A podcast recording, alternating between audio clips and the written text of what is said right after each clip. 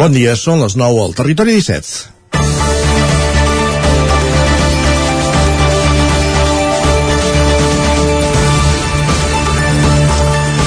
Es va fallar en la diagnosi i es va actuar tard i malament. Era la sentència que feia divendres a Manlleu l'exconseller d'Economia i Hisenda de la Generalitat, Antoni Castells, sobre el procés viscut entre 2009 i 2012 que va culminar amb la fi del sistema de caixes catalanes. Amb motiu del 125 aniversari del naixement de Caixa Manlleu, la Fundació Antiga Caixa Manlleu i el Museu del Ter van organitzar una taula rodona per analitzar en perspectiva aquest període que va acabar sent funès per un sistema singular i centenari que havia contribuït en diferents etapes a la prosperitat del país. Castells va compartir taula amb un exdirectiu de Caixa Manlleu, Jordi Espona, un altre de Caixa Terrassa, Jaume Rivera, que van coincidir tots dos en la darrera etapa d'UNIM, i el catedràtic d'Economia Aplicada de la UB, Antoni Garrido. Quan Castells diu que es falla en la diagnosi és perquè el regulador del moment, el Ministeri d'Economia i el Banc d'Espanya consideren que la crisi financera derivada de la fallida de Lehman Brothers i l'esclat de la bombolla immobiliària era només un problema de disponibilitat, però era també de solvència, deia Castells. Lehman Brothers va caure al setembre de 2008 i el FROP, el Fons de Reestructuració Ordenada Bancària, va tirar endavant al cap de 10 mesos. Per això, parlar per, per això parla d'actuar tard. I el malament, perquè en lloc d'injectar fons a les entitats i separar actius bons i dolents, es va seguir la doctrina de la banca, que ja feia dècades que veien les caixes una competència.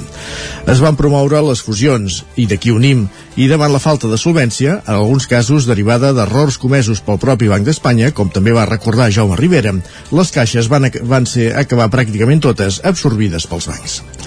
El que ha passat després, un mercat dominat per quatre grans bancs i que cada cop ofereixen menys serveis, n'hem parlat i en podem parlar un altre dia. El debat de divendres va quedar amb el regust amarg de si es podia haver fet alguna cosa més, com apuntava Castells, o si el Banc d'Espanya tenia clar el destí final, com defensaven Espona i Rivera. Calia un debat com aquest per analitzar en perspectiva un moment de la nostra pàgina econòmica que com si que coincidien els ponents, del que s'ha parlat poc. És dimarts, 26 d'abril de 2022, dia de la visibilitat lèsbica, com ens recorden uns cartells que han aparegut avui per Vic sota l'epígraf de situacions bulleres, prou eloqüents. Si ets lesbiana, no podré ser àvia, diu un, o sou germanes? Pregunta l'altre. Situacions quotidianes que encara avui viuen les dones homosexuals. Així comença el Territori 17 a la sintonia d'Ona Codinenca, la veu de Sant Joan, Ràdio Cardedeu, Ràdio Vic, el 9 FM i el 9 TV. Territori 17 amb Vicenç Vigues i Jordi Sunyer.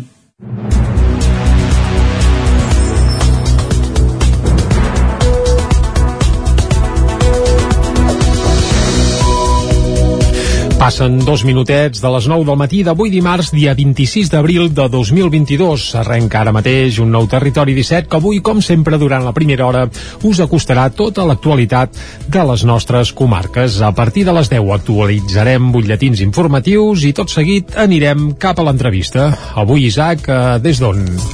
Avui anem fins a Ràdio Televisió Cardedeu en companyia de l'Òscar Muñoz per conèixer un altre aspecte d'actualitat des d'aquest àmbit del Vallès Oriental. Doncs un cop acabem l'entrevista, cap a dos quarts d'onze serà el moment de les piulades. Tot seguit, taula de redacció i avui el que ens acompanyarà cap a tres quarts d'onze tocats són els companys del Centre d'Estudis dels Rius Mediterranis que un cop al mes ens visiten, ni que sigui telefònicament aquí a Territori 17 per acostar-nos algun aspecte lligat a la seva activitat. Avui, Isaac, parlarem de... Avui parlarem amb l'Èlia Bretxa del Centre d'Estudis Mediterranis de la Universitat de Vic sobre les sortides naturalistes d'Osona que van començar el 18 de març i n'hi ha programades fins al mes de novembre per triar vendre i remenar. N'hi ha un munt. Arribarem gairebé fins a Nadal ja, eh? Pràcticament. Uh, Déu-n'hi-do. Doncs això ho repassarem a la secció de meteorologia que fem cada dimarts aquí a Territori 17. A les 11 actualitzarem butlletins informatius de nou i tot seguit, com que és dimarts, ens tocarà parlar d'economia. Amb en Joan Carles Arredondo, el cap d'Economia del 9-9 del Vallès Oriental i avui per continuar parlant sobre el pacte de rendes.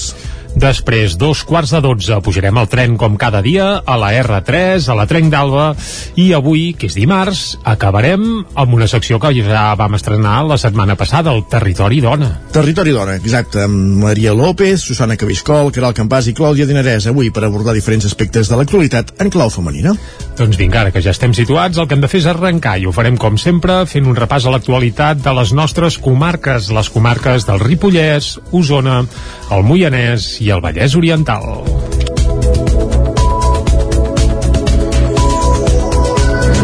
Per ampliar el que us avançàvem a la portada, el Museu del Ter de Manlleu va acollir divendres una taula rodona sobre la fi de les caixes catalanes després de la crisi financera que va començar el 2008. La pregunta de si, si, si feia si es podria haver evitat la desaparició d'aquest model i la resposta, amb matisos, va ser que sí, que s'haurien pogut salvar. La pregunta del milió la van respondre l'exconseller d'Economia Antoni Castells, que va ocupar el càrrec entre 2003 i 2010, els exdirectius de Caixa Terrassa i Caixa Manlleu, Jaume Rivera, Jordi Espona i Antoni Garrido, catedràtic d'Economia Aplicada a la Universitat de Barcelona, moderats tots plegats per la periodista Pilar Abril.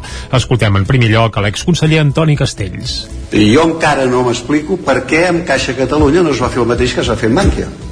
Ja sé que després Bànquia ha acabat també doncs ha acabat sent absorbida per la Caixa, no? Però jo em pregunto per què no es va fer el mateix. És a dir, que entri un frop, que ho sanegi i que després ho vagi traient al mercat. I aquesta batalla política s'havia de donar evidentment, perquè el gran llençol aleshores era Caixa Catalunya, no ens enganyem. L'expresident de Caixa Terrassa i més tard d'Unim, Jaume Rivera, també té clar que s'hauria pogut fer molt millor.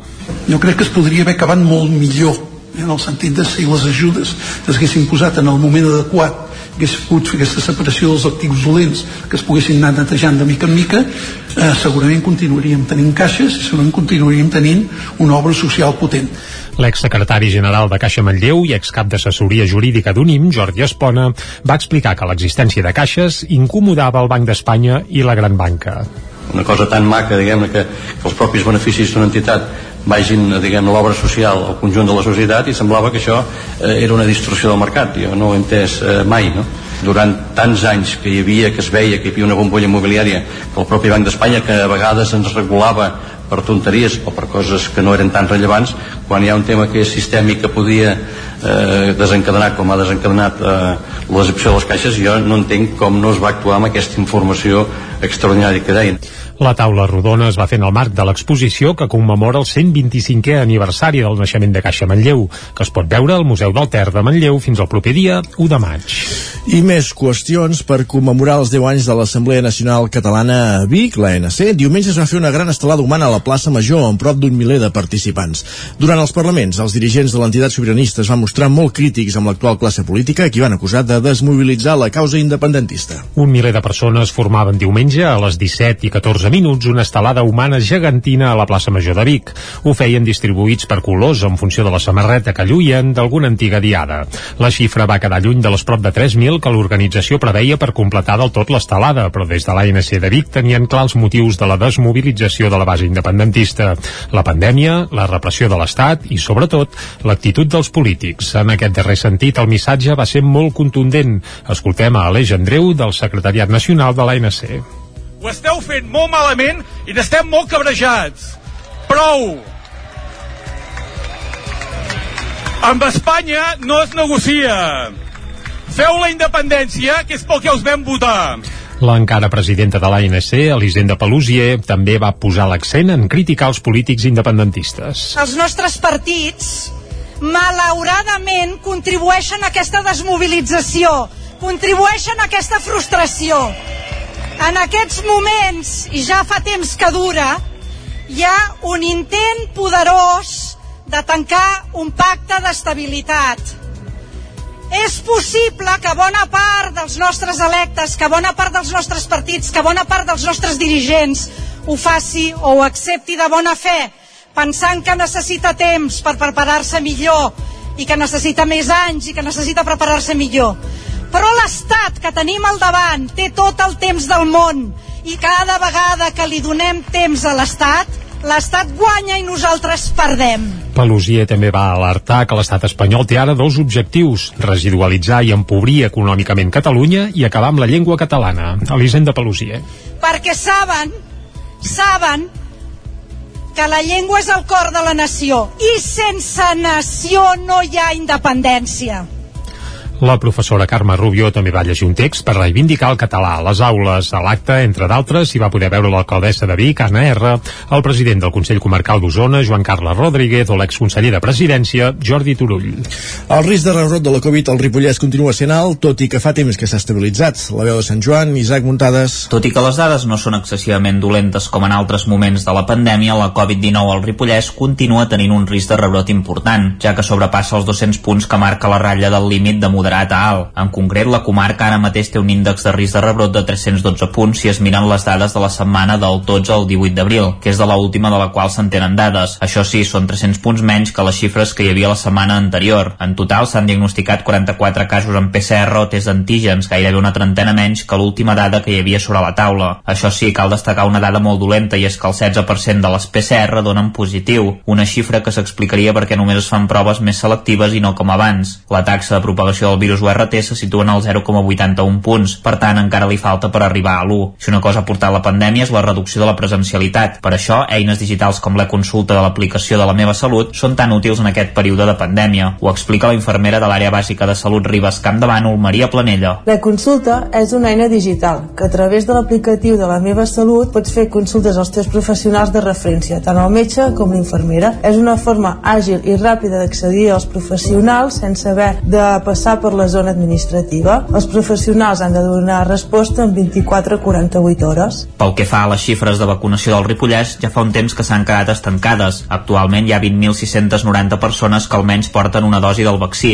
20.345 a qui ja se'ls ha administrat la pauta completa de la vacuna i 11.390 persones que ja se'ls hi ha punxat la tercera dosi. En aquests moments hi ha dos pacients ingressats a l'Hospital de Camp de Bànol per coronavirus i s'han comptabilitzat 105 defuncions des que va esclatar la pandèmia al març de l'any 2020.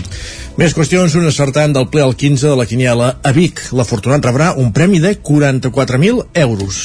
Una butlleta validada a l'estanc del carrer Manlleu de Vic va encertar el ple al 15 de la Quiniela d'aquest cap de setmana. Era una jornada especial en què no hi havia partits de primera divisió i els partits que s'havien d'encertar eren de segona i de la Premier. En total hi va haver tres butlletes premiades en aquesta categoria especial del ple al 15. La persona que va validar la seva butlleta a l'estanc del carrer Manlleu rebrà un premi de 44.148,26 euros. déu nhi Més qüestions, sí, qui els tingués. I tant. Un cop enderrocat el Casino Popular de Cardedeu l'any 2019, l'Ajuntament va demanar un informe de viabilitat econòmica a la Diputació per fer-hi pisos. Un any després han rebut aquest estudi que, la, que planifica tre, entre 21 i 24 habitatges dotacionals al solar de l'antic casino. Ràdio Televisió Cardedeu, Núria Lázaro. Durant part del 2021 i inicis del 2022, la Diputació ha fet aquest estudi de viabilitat econòmica i urbanística del solar del Casino Popular de Cardedeu. Aquest estudi explica les possibles opcions de què s'hi pot construir al solar i també les modificacions corresponents de plantejament urbanístic. Laia Muñoz, regidora d'Habitatge. Hem de fer una modificació urbanística per tal de canviar la, qüestions molt tècniques no? de tipus de nom del solar de, de l'antic casino i també hem de fer aquesta modificació per tal de poder ampliar els metres quadrats sostre, metre quadrat sol perquè les habitacions puguin ser una mica més grans i els espais comuns també puguin ser més grans. Aleshores, el que ens han posat sobre la taula és, a, a, són les diferents opcions que ja sabíem, però sí que el que fa la Diputació és acompanyar-te en dir quina és l'opció més viable, més fàcil i més àgil. Amb el projecte sobre la taula ara queda un procés de modificacions que pot trigar ben bé un any. Durant aquest temps, però, s'anirà treballant paral·lelament en si es fa una promoció directa des de l'Ajuntament una concessió administrativa o una concertació público-privada. Més qüestions. Sant Feliu de Codines impulsa el servei T'Escolto, un espai psicològic gratuït adreçat a adolescents i joves del poble. Caral Campàs, des d'Ona Codinenca. La setmana vinent l'Ajuntament de Sant Feliu de Codines posarà en marxa un suport psicològic gratuït finançat des del Pla Educatiu Entorn per tal d'oferir suport a joves d'entre 12 i 18 anys. El servei es vehicularà a través d'una aplicació de mòbil amb la qual els joves podran exposar anònimament o amb nom i cognoms la problemàtica que estiguin visquent i podran escollir tres professionals amb qui contactar. Una educadora social, el responsable del casal de joves de Sant Feliu de Codines o una psicòloga de Caldes de Montbui. En parlava en aquest sentit Laura Petit, regidora d'Educació en totes les direccions i AMPAs vam notar que els nanos estan una mica angoixats després de la pandèmia mm -hmm. i com que els casos així doncs una mica conflictius i a, a tots nivells, a, a nivell de, de menjar, a nivell de, de comportament, etc etc. doncs cada vegada ens trobem amb, amb casos que hi ha més conflictes, doncs hem decidit una mica fer això, en aquest servei gratuït per tot el jovent. La setmana vinent es faran diverses reunions. La primera amb el grup de sisè de les escoles, després amb els grups d'ESO i per contactar amb els joves de 18 anys es farà directament des de l'espai jove del municipi. La intenció és que els usuaris coneguin els tres professionals que els podran donar suport si el necessiten per tal de generar un espai de confiança. Els tres professionals aniran un dia al centre cívic i aniran passant tots, a, tots els nanos de sisè de primària i de secundària uh -huh. i per, pel centre cívic i el, en el centre cívic els mateixos professionals eh, doncs posaran cara, cara i ulls a, en, aquest, en aquest nom, no? -huh. perquè bueno, alguns d'ells ja els coneixen però alguns d'ells no i llavors uh -huh. ja serà doncs mira escolta jo sóc l'educador social, jo sóc l'educadora social eh, un és el que porta el, el projecte de, de centre de, de, per joves del poble, uh -huh. l'altre treballa a serveis socials i l'altre és la psicòloga de Caudes de Montbui. Uh -huh. Llavors presentaran ells el projecte els joves podran entrar a l'aplicació T'Escolto a través d'un codi intransferible que se'ls proporcionarà en aquestes reunions. A més, en casos on es demani ajut psicològic per alguna situació que hagi succeït als carrers de Sant Feliu també es podrà detectar quin és l'entorn del poble on hi ha més conflictes perquè a l'aplicació es demanarà aquesta informació. Esports. Ho explicàvem la setmana passada, dimecres 20 d'abril feia 20 anys de la victòria del Club Patí Voltregà a la Copa de les Cers. És l'últim títol europeu que ha guanyat un equip d'hoquei masculí usonenc i el club vol commemorar el Femèrida a finals de temporada. Abans, però, el 9-9 va reunir fa uns dies a jugadors, tècnic i president del Voltregà del 2002 per recordar què va significar aquell títol per tots ells. I és que el passat 20 d'abril es van complir 20 anys ja d'aquella Copa de les Cers que va guanyar el Voltregà remuntant un 5 a 3 del partit d'anada a la pista del Porto portuguès. A la primera part, en Guita havia avançat els voltreganesos i al segon temps Vinyes va fer el 2 a 0, però el Porto va aconseguir forçar de nou la igualada, situant un 2 a 2 quan faltaven 4 minuts pel final. Però aleshores van aparèixer Armengol i Panadero per anotar dues dianes més i enviar el partit a la pròrroga. A la pròrroga no hi va haver gols i després es va anar als penals. Allà Casalí va marcar en el novè llançament del Voltregà i tot seguit Trabal va aturar el dels portuguesos, certificant així un títol que és el darrer del primer equip masculí de Sant Hipòlit. Escoltem per aquest ordre els jugadors Quim Casalí i Guillem Trabal. I a vegades hi ha la guassa una mica entre el grup de que va semblar que feia un misto i no, no és un misto, la pilota anava allà expressament. Aquell penal en el qual jo sóc el, la sort de ser el que l'aturo doncs jo crec que queda eh, a la ment de molta gent perquè és la culminació no d'un partit sinó d'un procés i és que el Voltregà venia d'unes grans temporades però sense poder-ho culminar amb cap títol 20 anys després, reunits de nou per celebrar l'efemèride, tots els protagonistes coincideixen. El Voltregà i Sant Hipòlit mereixien guanyar una copa com aquella ho expliquen Jordi Camps, l'entrenador d'aquell equip i Ramon Vilaró, que era el president del club. I era una manera doncs, de treure't un pes o bastant important de sobre va, a vegades doncs, hi ha miracles, en aquest cas va passar i, i disfrutar-ho amb la gent que crec que s'ho mereixia molt que vam guanyar el campió, el campió d'Europa i el campió de la Lliga Portuguesa i el que la vam aconseguir va ser un èxit recordar que és la vuitena final que fèiem seguida i no havíem guanyat cap un partit i un títol que va permetre a alguns jugadors, com el capità Jordi Guitart, tancar la seva etapa al Voltregà de la millor manera possible. La temporada 2001-2002 es va retirar de les pistes. Escoltem a Jordi Guitart.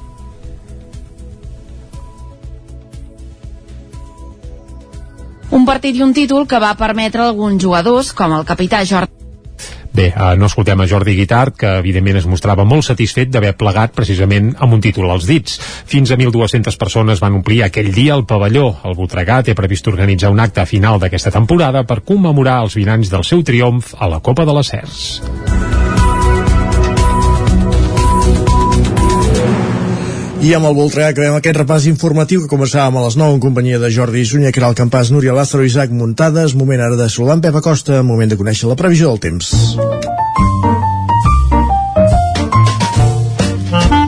Casa Terradellos us ofereix el temps. I parlar del temps, ja sabeu que és sinònim de parlar amb en Pep Acosta, qui ja saludem. Bon dia, Pep. Hola, molt bon dia. I molt bona hora. Benvinguts a Informació del Temps. Gràcies, igualment. Què tal esteu? Bé, bé, bé. Espero que tot bé. I tant. Que vagi molt bé la setmana, aquesta última setmana del mes d'abril uh Mhm. -huh. del 2022. Uh, de moment, molt tranquil·la. Uh, pocs núvols, uh, anticicló, i avui ens anem unes temperatures uh, molt normals per l'època de l'any, la majoria mínimes entre els 5 i els 10 graus, lògicament per sota els 5 graus mm -hmm. a les zones més fredes del Pirineu de les nostres comarques. I cap valor per, jo diria per sobre els 10 graus de mínima. Mm, podria en algun lloc els més càlids però eh, mirar les temperatures i la majoria com deia entre els 5 i els 10 graus i ens llevem ja amb sol, el sol ja surt molt d'hora, com dic, hi ha moltes hores de sol, i eh, no tenim masses núvols ara mateix. Hi ha un anticicló eh, que domina força a tota l'Europa occidental, tot i que eh, hi ha un petit front amb la ibèrica, molt petit, que ens passarà demà amb més pena que glòria. Bastanta més pena que glòria, eh? No, no, no serà un front actiu ni de bon tros. Uh, per tant, farà bastanta pena, com deia, el front que passarà demà. Vaja. Però bueno, anem pel dia d'avui, anem pel dia d'avui, perquè serà un dia, com deia, uh, força assolellat, uh, molt tranquil, a la tarda només que serà una nuvolada cap a les zones de muntanya, sense precipitacions, no hi haurà cap possibilitat de precipitacions, i les temperatures seran igual o 1 o 2 graus més altes que les d'ahir a les hores més càlides. Eh, cap al migdia, la majoria màximes entre els 18 i els 22, 23 graus. Com ja veieu, molta, molta suavitat de cara al migdia. Com deia, només algunes, alguna nuvolada a la tarda, molt poca cosa, vents molt febles de direcció variable, eh, bé, no es notaran gairebé, eh, res a veure amb, els, amb les ventades al cap de setmana que van ser molt importants, i eh, avui no, no se sent gairebé ni sentir ni, ni percebrem, ni, ni percebrem el, el vent que bufarà. I això és tot, eh, ja veieu que hi ha molt poca cosa a dir, eh, tota la variabilitat que vam tenir el cap de setmana, eh, que és autèntica primavera, eh, no la tindrem aquests dies, perquè tenim aquest anticicló a prop nostre, que marcarà el temps almenys fins divendres o dissabte. Després sí que ja hi pot haver algun canvi més important, però bueno, ja anirem veient perquè a primavera canvien molt els mapes d'un dia per l'altre i ja veurem què passarà. Moltes gràcies, adeu. Que vagi molt bé, eh? exacte, vinga. Uh, avui tranquil·litat, per això, ja està bé. Ja va bé, després alguns dies així moguts, com el de Sant Jordi. Anem ara a conèixer les... Anem a... cap al quiosc. Sí, a cap al quiosc, cap al quiosc, vinga. Casa Tarradellas us ha ofert aquest espai. I el que dèiem, al quiosc, anem a conèixer les portades dels diaris del dia. Per on comencem avui, Jordi? Vinga, com sempre fem-ho pel punt avui, o com gairebé sempre, cobra explicant suport en risc. Aquest suport parla, evidentment, del suport d'Esquerra Republicana al govern espanyol. Diu Esquerra desconfia de Sánchez per l'espionatge i podria negar-li el vot al Congrés. Els republicans reclamen una investigació i dimissions pel Catalan Gate. Això és la, el titular principal que apareix al punt avui. També ajuts per als llibreters amb més danys. Recordem que, sobretot en el cas de la capital catalana, el dia de Sant Jordi algú va patir i força. Els altres llocs, afortunadament, sembla que no tant. hi va haver menys danys o menys mulladers.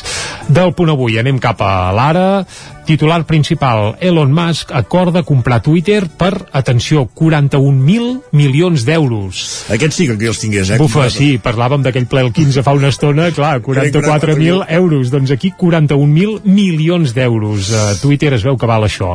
déu nhi La fotografia, per això, no és per uh, Twitter, sinó que és per la Carla Simón, i li fan una entrevista, aprofitant que aquest cap de setmana s'estrena al Carràs, i diu mai ens va passar pel cap que el Carràs no fos en català. La pel·lícula de Carla Simón, guanyadora de l'Os d'Or a Berlín, s'estrena aquest divendres als cinemes i evidentment ja a fer-hi cap tots plegats perquè segur que val molt la pena. Més portades, anem cap al periòdico, titular principal, un enviat de Pegasus va vendre un programa espia a la cúpula policial. El periòdico que fa noves revelacions sobre l'origen del Catalan Gate i apunta que agents espanyols i l'emissari de la companyia israeliana van acordar l'entrega del material en un hotel de Barcelona i sembla que això seria el 2014. Una carta del 2014 destapa trobades i demostracions del sistema amb l'excomissari Pino. Per tant, qui hauria comprat o adquirit eh, el Pegasus haurien La estat agents de la cúpula policial espanyola. Uh, la fotografia, per això, no és per Pegasus, sinó que és pel Felip VI. El rei Felip fa públic un patrimoni de 2,6 milions d'euros. Que, que tingués. déu-n'hi-do, uh, de sou en sou, bé, cobra molt, però fer 2,6 milions d'euros, no, sé, no, no sé si em surten els comptes des que rei, però vaja.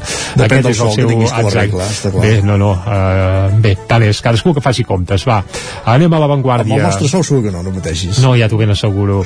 A l'avantguàrdia, Andalusia obre el 19 de juny un altre cicle electoral i és que ahir es va confirmar l'avançament dels comicis d'Andalusia, havien d'arribar a la tardor i l'actual president ha decidit fer-ho abans de l'estiu i diuen que la cita posa a prova l'efecte Feijó, el desgast de Sánchez, el sostre de Vox i la unitat a Unides Podem. També a l'avantguàrdia Felip VI fa públic que el seu patrimoni ascendeix a 2,5 milions d'euros, aquí rebaixen 100.000 euros eh, respecte al que havíem vist abans eh, a la portada del periòdico. I eh, la Xina, la fotografia Sí, sí. principal és per la Xina, pànic comprador pel virus a la Xina. Es veu que el coronavirus torna a fer estralls i es veu un carrer supercèntric i l'únic qui passeja són tres persones amb uns monos, amb gorra, amb ulleres i amb mascarats fins a dalt de tot.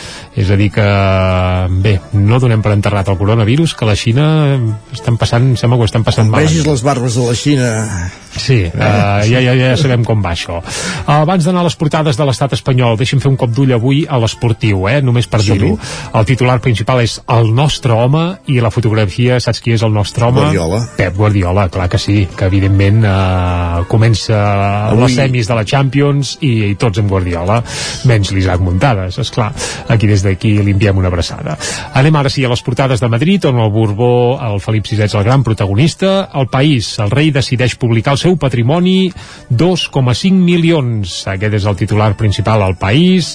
A l'ABC, 2 milions i mig. El rei publica el seu patrimoni per obrim cometes, exemplaritat per predicar amb l'exemple, eh? cosa que no feia el seu pare, ell es veu que sí. La decisió de Felip VI obeeix el desig de seguir contribuint a la regeneració de la vida pública i va ser comunicada als partits constitucionalistes. Ara, pla, per tant, amb alguns m'imagino que els, no els hi devien dir res. A la Razón també Inclou el triomfa... Vox, eh, com a constitucionalista. Home, només faltaria. A la Razón també triomfa el rei, el rei revela el seu patrimoni en un exercici de transparència i el Mundo, doncs també, Felip VI fa públic que el seu patrimoni és de 2 milions i mig d'euros. Visca la monarquia. Doncs vinga, va, eh, arribats aquí, fem una pausa i tornem d'aquí 3 minuts. El nou FM, el nou FM, el nou FM, el nou FM, el nou FM. A El racó de León ja és primavera. Gaudeix de la nostra terrassa. Vine a tastar les xuletilles de l'Echal a la brasa amb una bona amanida o el xuletón de vedella gallega. No et pots perdre el nostre lechado de Castilla al forn o el cochinillo a l'estil de Segovia. Tot acompanyat del millor celler, al menjador o fora la terrassa.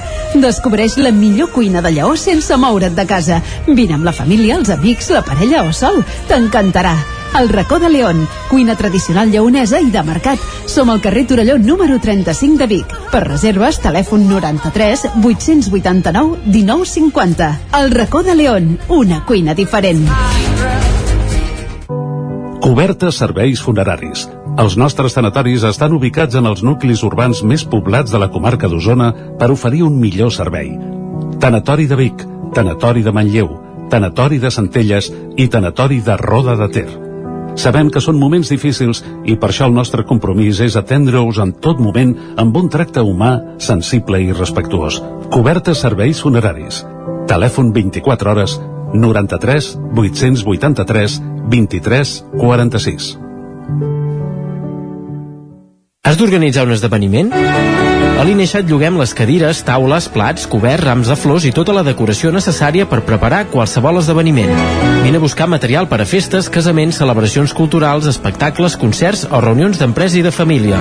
Ens pots venir a veure al passeig de la Generalitat número 52 Baixos de Vic, buscar-nos a les xarxes o trucar-nos al telèfon 670 38 96 25. Ah, i també ens trobaràs a Girona. A l'Ineixa tenim tot el que pots necessitar per fer-te la vida més fàcil. Si tens pensat canviar la caldera o posar aire condicionat, posa't en mans a Pradell. Tenen les millors ofertes. Pradell instal·la calderes de biomassa, calderes de condensació, aire condicionat tant per a particulars com per a empreses. Apunta, Pradell, Avinguda Països Catalans, número 27 de Vic. Telèfon 93 885 11 97. Repetim, 93 885 11 97. Cocodril Club.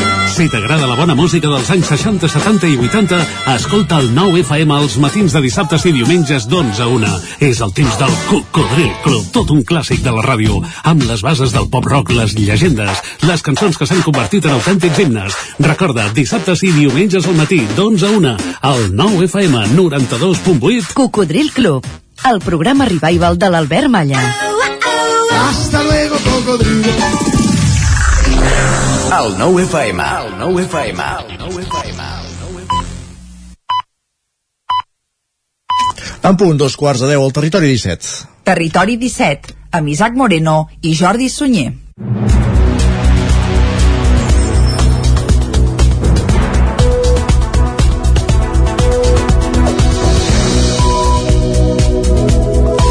I a dos quarts de deu d'avui dimarts, dia 26 d'abril de 2022, dia de Sant Marcelí, per cert, el que ens toca de seguida és acostar-vos de nou altra vegada tota la informació de les nostres comarques, però abans ja us avancem una mica tot el menú que tindrem fins al punt de les 12 del migdia. Abans de les 10 hi posarem una mica de música, avui d'un grup eh, del Ripollès. Més Que, que, que, carai, ara, ara. Sí, sí, d'un grup del Ripollès avui escoltarem, eh? The Taffaners. Tàffaners, Uh, sí, amb carai. algun membre també garrotxí, i estan a punt de treure un nou disc, uh, que serà el seu ja tercer disc. Després explicarem quatre detalls més d'aquest grup, uh, que és força interessant, la veritat és que sí. Va, a les 10 actualitzarem butlletí informatiu i tot seguit a l'entrevista anirem cap a Ràdio Cardedeu, oi? Exacte, en companyia de l'Òscar Muñoz i avui per parlar eh, d'un aspecte lligat a l'actualitat de Cardedeu, lògicament. En aquest cas parlarem amb el president d'AENAR, Mirades Màgiques, l'associació que fa difusió de la retinoblastoma. Organitzen una cursa solidària virtual per recaptar fons i aquest president d'aquesta entitat és l'Àlex Clopés. Ostres, uh, la malaltia costa el nom, eh? Retino... Faig de... Retinoblastoma. Retinoblastoma, retinoblastoma, retinoblastoma, retinoblastoma. Va, Ja va, tens, ja, ja, ho tinc, ja, ho tinc. ja ho tens, ja ho tens. Molt bé, molt bé, va, dos quarts d'onze serà el moment de les piulades, ens visitaran Guillem Sánchez, hi posarem una mica d'humor i després anirem a la taula de redacció i tot seguit ens tocarà parlar de medi ambient. A la secció de Natura i Medi Ambient avui parlarem amb l'Èlia Bretxa del Centre d'Estudis dels Rius Mediterranis de la Universitat de Vic sobre les sortides naturalistes d'Osona que fan conjuntament amb altres entitats naturalistes de la comarca. Van començar el 18 de març i n'hi ha de programades fins al mes de novembre. Doncs va, en rep les repassarem si podem totes i ens apuntarem les que ens interessi, que sempre valen molt la pena. A les 11 serà el moment d'actualitzar el butlletí informatiu i tot seguit, com que és dimarts, qui ens visitarà serà en Joan Carles Arredondo, El oi? cap d'Economia de l'Alma del Vallès Oriental per parlar sobre el pacte de rendes. I a la darrera mitja hora de programa ens tocarà eh, recuperar una secció que vam estrenar precisament dimarts passat. El Territori Dona, amb la Maria López, avui amb la Susana Cabiscol, la Caral Campàs i la Clàudia Dinarès per abordar diferents aspectes de l'actualitat en clau femenina. Doncs això ho farem a la part final d'un programa que ara segueix i ho fa acostant-vos de nou l'actualitat de casa nostra, de casa vostra, l'actualitat de les comarques del Ripollès, Osona, el Moianès i el Vallès Oriental. Per ampliar el que us avançàvem a la portada, el Museu del Ter de Manlleu va acollir divendres una taula rodona sobre la fi de les caixes catalanes després de la crisi financera que va començar el 2008. La pregunta de si, si, si feia si es podria haver evitat la desaparició d'aquest model i la resposta, amb matisos, va ser que sí, que s'haurien pogut salvar. La pregunta del milió la van respondre l'exconseller d'Economia Antoni Castells, que va ocupar el càrrec entre 2003 i 2010, els exdirectius de Caixa Terrassa i Caixa Manlleu, Jaume Rivera, Jordi Espona i Antoni Garrido, catedràtic d'Economia Aplicada a la Universitat de Barcelona, moderats tots plegats per la periodista Pilar Abril. Escoltem en primer lloc a l'exconseller Antoni Castells. Jo encara no m'explico per què amb Caixa Catalunya no es va fer el mateix que es va fer amb Bànquia. Ja sé que després Bànquia ha acabat també doncs ha acabat sent absorbida per la Caixa no? però jo em pregunto per què no es va fer el mateix és a dir, que entri un frop ho sanegi i que després ho vagi traient al mercat i aquesta batalla política s'havia de donar evidentment, perquè el gran llençol aleshores era Caixa Catalunya, no ens enganyem. L'expresident de Caixa Terrassa i més tard d'Unim, Jaume Rivera, també té clar que s'hauria pogut fer molt millor.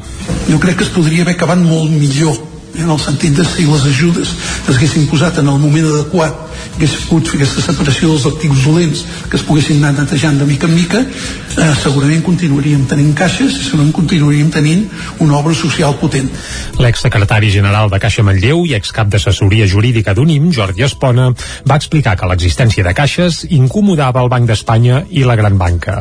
Una cosa tan maca, diguem que, que els propis beneficis d'una entitat vagin, diguem l'obra social al conjunt de la societat i semblava que això eh, era una distorsió del mercat. Jo no ho he entès eh, mai, no? Durant tants anys que hi havia, que es veia que hi havia una bombolla immobiliària, que el propi Banc d'Espanya, que a vegades ens regulava per tonteries o per coses que no eren tan rellevants, quan hi ha un tema que és sistèmic que podia eh, desencadenar com ha desencadenat eh, l'excepció de les caixes, jo no entenc com no es va actuar amb aquesta informació extraordinària que deien. La taula rodona es va fer en el marc de l'exposició que commemora el 125è aniversari del naixement de Caixa Manlleu, que es pot veure al Museu del Ter de Manlleu fins al proper dia 1 de maig. I més qüestions per commemorar els 10 anys de l'Assemblea Nacional Catalana a Vic, l'ANC. Diumenge es va fer una gran estelada humana a la plaça Major amb prop d'un miler de participants. Durant els parlaments, els dirigents de l'entitat sobiranista es van mostrar molt crítics amb l'actual classe política qui van acusar de desmobilitzar la causa independentista. Un miler de persones formaven diumenge a les 17 i 14 minuts una estelada humana gegantina a la plaça Major de Vic. Ho feien distribuïts per colors en funció de la samarreta que lluïen d'alguna antiga diada. La xifra va quedar lluny de les prop de 3.000 que l'organització preveia per completar del tot l'estelada, però des de l'ANC de Vic tenien clar els motius de la desmobilització de la base independentista. La pandèmia, la repressió de l'Estat i, sobretot, l'actitud dels polítics. En aquest darrer sentit, el missatge va ser molt contundent. Escoltem a Aleix Andreu, del Secretariat Nacional de l'ANC. Ho esteu fent molt malament i n'estem molt cabrejats. Prou! Amb Espanya no es negocia.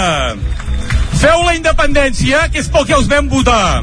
L'encara presidenta de l'ANC, Elisenda Pelusier, també va posar l'accent en criticar els polítics independentistes. Els nostres partits, malauradament, contribueixen a aquesta desmobilització, contribueixen a aquesta frustració.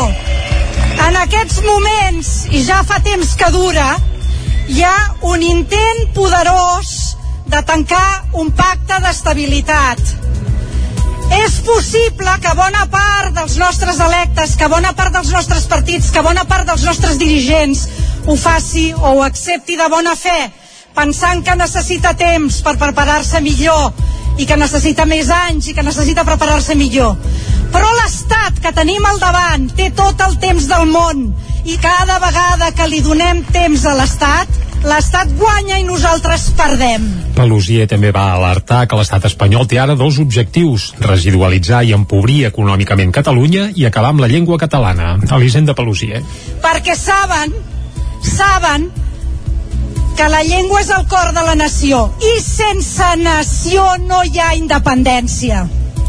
La professora Carme Rubio també va llegir un text per reivindicar el català a les aules. A l'acte, entre d'altres, hi va poder veure l'alcaldessa de Vic, Anna R., el president del Consell Comarcal d'Osona, Joan Carles Rodríguez, o l'exconseller de Presidència, Jordi Turull. El risc de rebrot de la Covid al Ripollès continua sent alt, tot i que fa temps que s'ha estabilitzat. La veu de Sant Joan, Isaac Muntades... Tot i que les dades no són excessivament dolentes com en altres moments de la pandèmia, la Covid-19 al Ripollès continua tenint un risc de rebrot important, ja que sobrepassa els 200 punts que marca la ratlla del límit de moderat a alt. En concret, la comarca ara mateix té un índex de risc de rebrot de 312 punts si es miren les dades de la setmana del 12 al 18 d'abril, que és de la última de la qual se'n tenen dades. Això sí, són 300 punts menys que les xifres que hi havia la setmana anterior. En total s'han diagnosticat 44 casos en PCR o test d'antígens, gairebé una trentena menys que l'última dada que hi havia sobre la taula. Això sí, cal destacar una dada molt dolenta i és que el 16% de les PCR donen positiu, una xifra que s'explicaria perquè només es fan proves més selectives i no com abans. La taxa de propagació del virus URT se situa en el 0,81 punts, per tant encara li falta per arribar a l'1. Si una cosa ha portat la pandèmia és la reducció de la presencialitat. Per això, eines digitals com la consulta de l'aplicació de la meva salut són tan útils en aquest període de pandèmia. Ho explica la infermera de l'àrea bàsica de salut Ribes Camp de Bànol, Maria Planella. La consulta és una eina digital que a través de l'aplicatiu de la meva salut pots fer consultes als teus professionals de referència, tant el metge com l'infermera. És una forma àgil i ràpida d'accedir als professionals sense haver de passar per la zona administrativa. Els professionals han de donar resposta en 24 a 48 hores. Pel que fa a les xifres de vacunació del Ripollès, ja fa un temps que s'han quedat estancades. Actualment hi ha 20.690 persones que almenys porten una dosi del vaccí, 20.345 a qui ja se'ls ha administrat la pauta completa de la vacuna i 11.390 persones que ja se'ls hi ha punxat la tercera dosi. En aquests moments hi ha dos pacients ingressats a l'Hospital de Camp de Bànol per coronavirus i s'han comptabilitzat 105 defuncions des que va esclatar la pandèmia al març de l'any 2020. Més qüestions, un acertant del ple al 15 de la Quiniela a Vic. L'afortunat rebrà un premi de 44.000 euros. Una butlleta validada a l'estanc del carrer Manlleu de Vic va encertar el ple al 15 de la Quiniela d'aquest cap de setmana. Era una jornada especial en què no hi havia partits de primera divisió i els partits que s'havien d'encertar eren de segona i de la Premier. En total hi va haver tres butlletes premiades en aquesta categoria especial del ple al 15. La persona que va validar la seva butlleta a l'estanc del carrer Manlleu rebrà un premi de 44.148,26 euros. déu nhi Més qüestions, sí, qui els tingués. I tant. Un cop enderrocat el Casino Popular de Cardedeu l'any 2019, l'Ajuntament va demanar un informe de viabilitat econòmica a la Diputació per fer-hi pisos. Un any després han rebut aquest estudi que, que planifica entre 21 i 24 habitatges dotacionals al solar de l'antic casino. Ràdio i Televisió Cardedeu, Núria de Lázaro. Durant part del 2021 i inicis del 2022, la Diputació ha fet aquest estudi de viabilitat econòmica i urbanística del solar del Casino Popular de Cardedeu.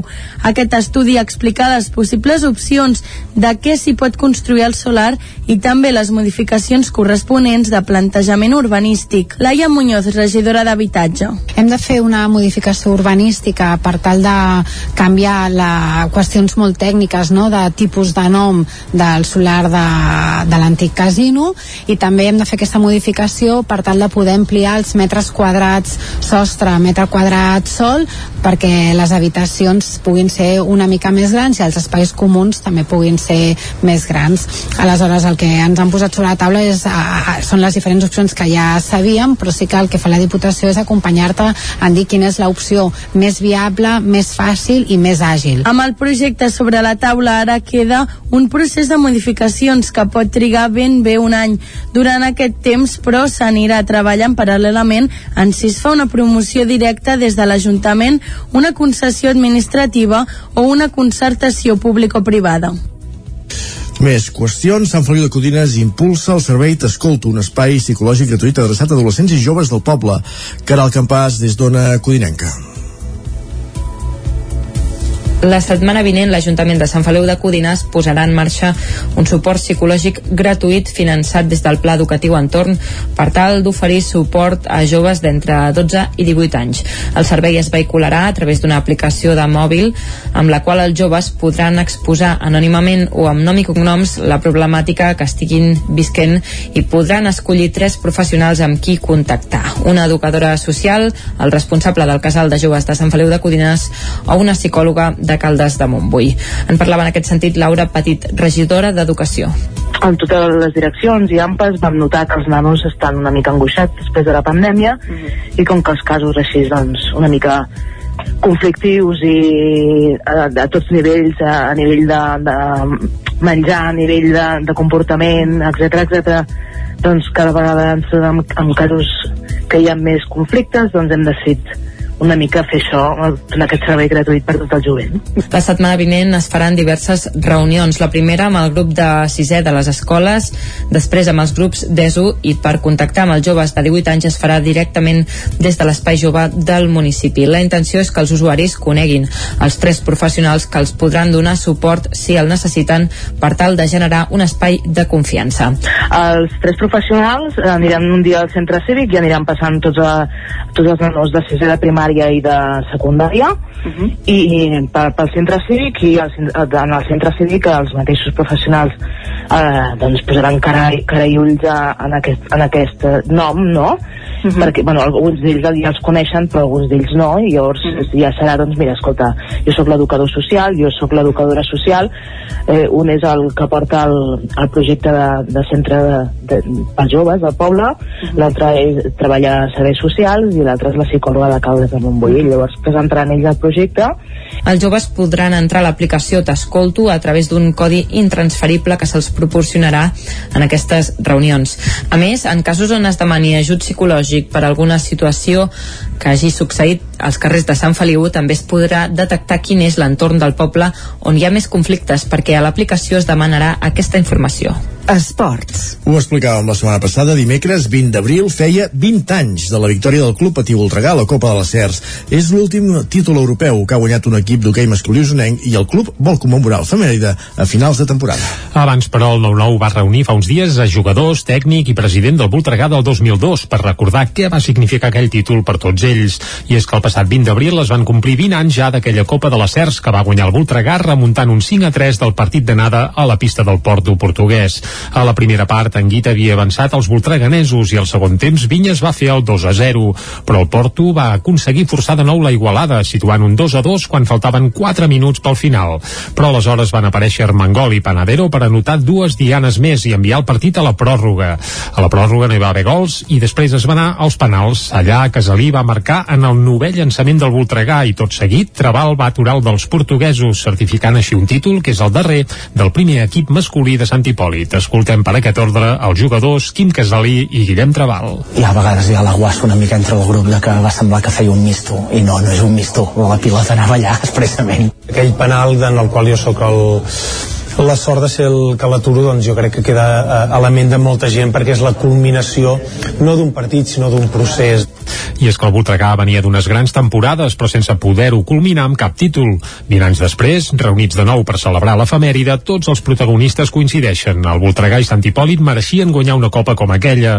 Ho expliquen Jordi Camps, l'entrenador d'aquell equip, i Ramon Vilaró, que era el president del club. i era una manera doncs, de treure't un, un pes o bastant important de sobre va, a vegades doncs, hi ha miracles en aquest cas va passar i, i disfrutar-ho amb la gent que crec que s'ho mereixia molt que vam guanyar el campió, que era el campió d'Europa i campió de la Lliga Portuguesa i la manera que la vam aconseguir va ser un èxit.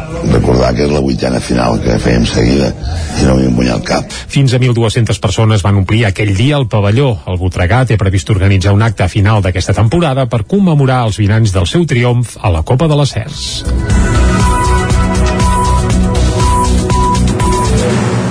I amb el Voltregà acabem aquest repàs informatiu que començàvem a les 9 en companyia de Jordi Sunyer, que era el campàs Núria Lázaro, Isaac Muntades, moment ara de en Pep Acosta, moment de conèixer la previsió del temps.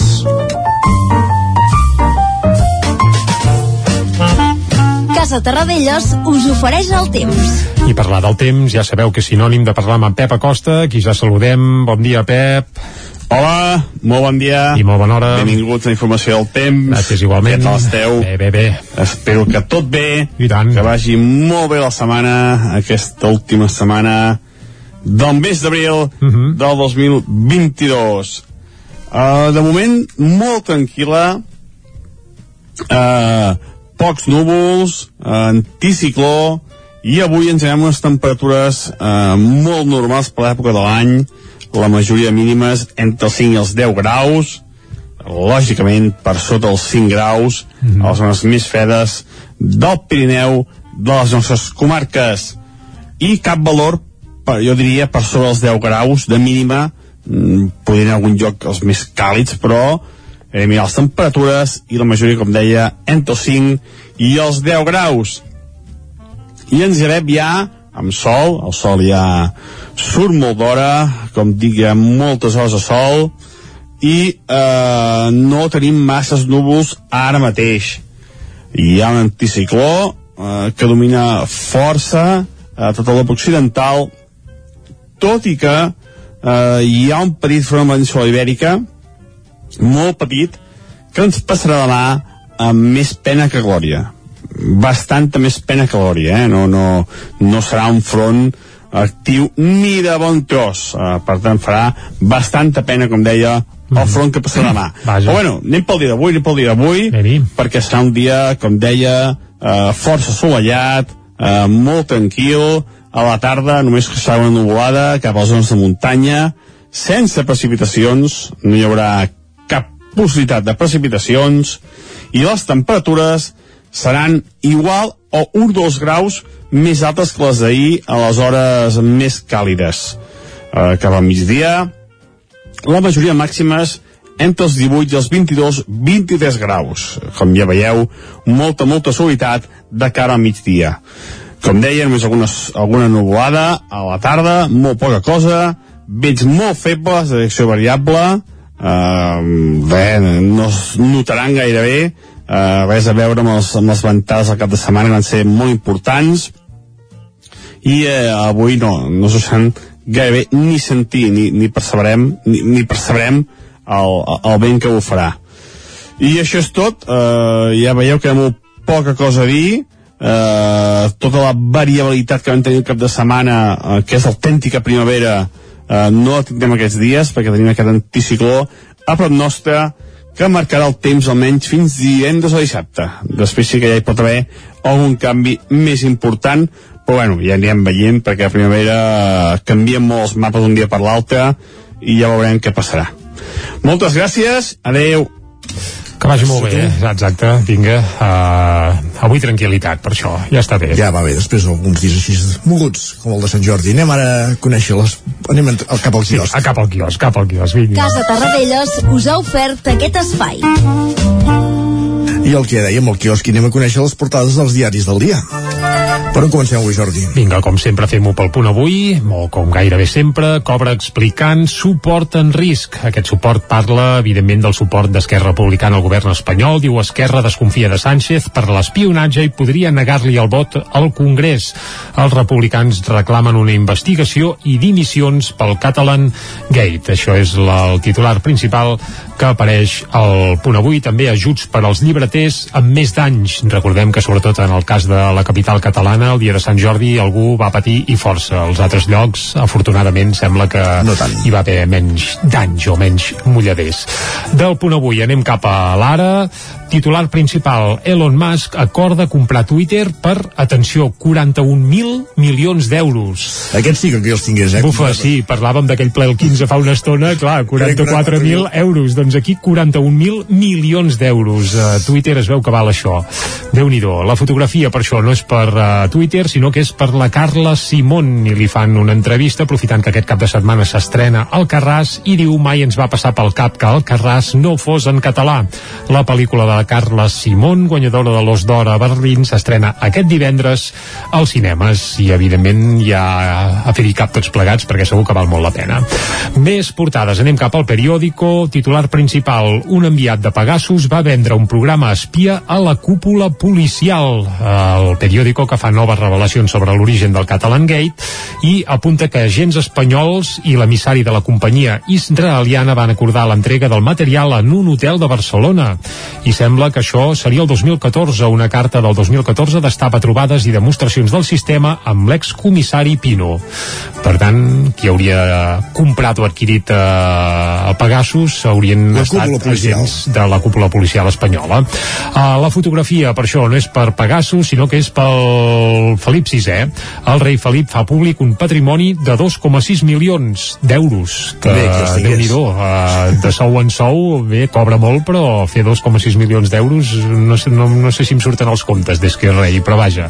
Depèn del sou que tinguis tu a la exacte. regla, està clar. Bé, no, no, uh, bé, tant és, cadascú que faci comptes, va. Anem a Amb l'avantguàrdia. el nostre sou segur que no, no pateixis. No, ja t'ho ben asseguro.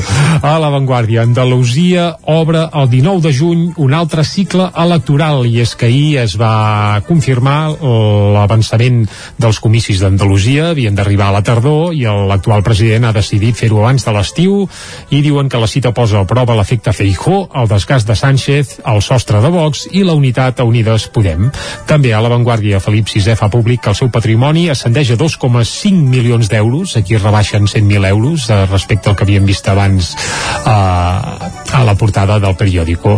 I eh, la Xina, la fotografia Sí, sí. principal és per la Xina, pànic comprador pel virus a la Xina. Es veu que el coronavirus torna a fer estralls i es veu un carrer supercèntric i l'únic qui passeja són tres persones amb uns monos, amb gorra, amb ulleres i emmascarats fins a dalt de tot. És a dir que, bé, no donem per enterrat el coronavirus, que a la Xina estan passant, sembla que ho estan passant mal. Vegis les barbes de la Xina Sí, uh, ja, ja, ja sabem com va això. Uh, abans d'anar a les portades de l'estat espanyol, deixem fer un cop d'ull avui a l'esportiu, eh? només per dir-ho. El titular principal és el nostre home i la fotografia, saps qui és el nostre home? Guardiola. Pep Guardiola, clar que sí, que evidentment uh, comença avui... les semis de la Champions i, i tots amb Guardiola, menys l'Isaac Muntades, és clar. Aquí des d'aquí li enviem una abraçada. Anem ara sí a les portades de Madrid, on el Borbó, el Felip VI és el gran protagonista. El País, el rei decideix publicar el seu patrimoni 2,5 milions. Aquest és el titular principal al País. A l'ABC, 2 milions i mig. El rei publica el seu patrimoni per obrim cometes, exemplaritat per predicar amb l'exemple, eh? cosa que no feia el seu pare, ell es veu que sí. La decisió de Felip VI obeeix el desig de seguir contribuint a la regeneració de la vida pública i va ser comunicada als partits constitucionalistes. Ara, pla, eh, per tant, amb alguns m'imagino que els, no els hi devien dir res. A la Razón també triomfa... Vox, eh, com a constitucionalista. Home, només faltaria. A la Razón també triomfa el rei, el rei revela el seu patrimoni en un exercici de transparència i el Mundo, doncs també, Felip VI fa públic que el seu patrimoni és de 2 milions i mig d'euros. Ole. Uh, ja està, jo he fet ara quatre contes mentre sí? anava fent i clar, en teoria aquest senyor és rei no fa pas tant. Però quan era príncep també ja tenia sou, eh? Sí, no, no, es veu que fa 25 anys eh, que, té, que té sou de l'erari públic i es veu que també amb aquest patrimoni també inclou joies, obres d'art que li han anat sí. regalant i altres històries. I el, I el que tampoc té són despeses, perquè ja li ve tot pagat, per tant... Mm, bé, tant és. Dic, havia fet quatre números, però ho deixarem aquí i posarem música, que això sí que és més racional que no pas uh, l'erari públic de, de la família borbònica i avui hi hem avançat abans que anirem cap a al Ripollès, on també es factura bona música, clar que sí. I avui escoltarem uh, una peça de, de Tàfaners, aquest grup format pel Jordi Ballesteros, que és un històric de la música ja al Ripollès, perquè ha tingut 50.000 bandes, uh -huh. i una de les que té ara és precisament de Tàfaners, on hi canta la Patricia Oliva, el Jordi Ballesteros hi toca els teclats, l'acordió i també canta, l'Àngel Giral fa acords i toca la flauta travessera, l'Héctor Garcia al baix i contrabaix i l'Eudal Surroca la guitarra i la bateria. És un grup que té una sonoritat així a mig camí entre la cançó, el jazz uh, té un aire clàssic i alhora modern i la veritat és que sona, sona molt bé. Mig camí entre folk, pop i swing uh, música llatina de tant en tant i bé, aquest grup ja fa 4 o 5 anys que es pateguen i l'últim disc que han tret es titula m'he fet gran, uh -huh. suposo que deu ser autobiogràfic, perquè és evident que els músics s'han anat fet grans, i la cançó que escoltarem avui és Ara ballo amb mi. És una cançó fantàstica, i si escoltem avui de Tàfaners és perquè ara mateix resulta que estan a punt de treure ja el seu tercer disc. La cançó que escoltarem és del segon, eh? però abans de l'estiu arribarà ja al seu uh, tercer disc, un tercer disc doncs bé, que, que ja l'esperem que ja l'ansiem i que es presentarà més en directe a Sant Joan de les Abadesses. Per tant, uh, escolta tot, tot lliga, i a més a més per cert també es van, van poder tocar es van poder escoltar aquesta diada de Sant Jordi. Sí. uh, van tocar també a Sant Joan de les Abadesses. Concretament van fer un concert al Passeig Comte Guifré esquivant, vaja, bots, barrals i el que fes falta. I pluja. Uh, exacte, per tant, escolta, els tenim aquí ben frescos. Per tant, ara el que farem eh, fins a arribar al punt de les 10 és quedar-nos amb Mare Ballo amb mi, una peça del M'he fet gran dels Tàfaners. Deixa'm gaudir del moment no pensem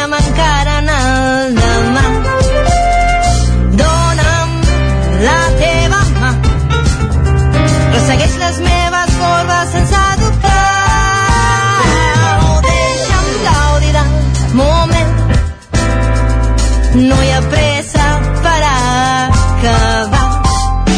Demà tu ja no hi seràs, però puc passejar sola i observar tot el que passa pel meu voltant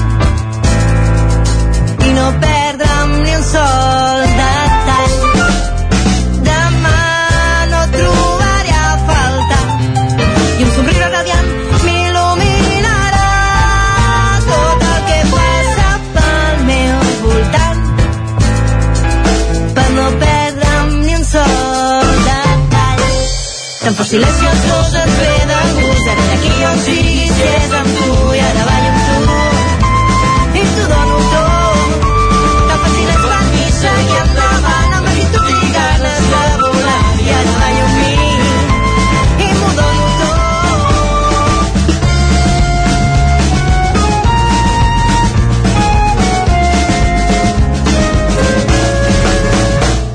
Em sento, em sento compromesa amb mi Necessito ho tinc aquí, a dins de mi. Però sí que és cert que em mereixo descobrir, que em mereixo compartir amb totes aquelles persones que fan el meu món molt més bonic. Potser ens tornem a trobar Potser mai més ens tornem a abraçar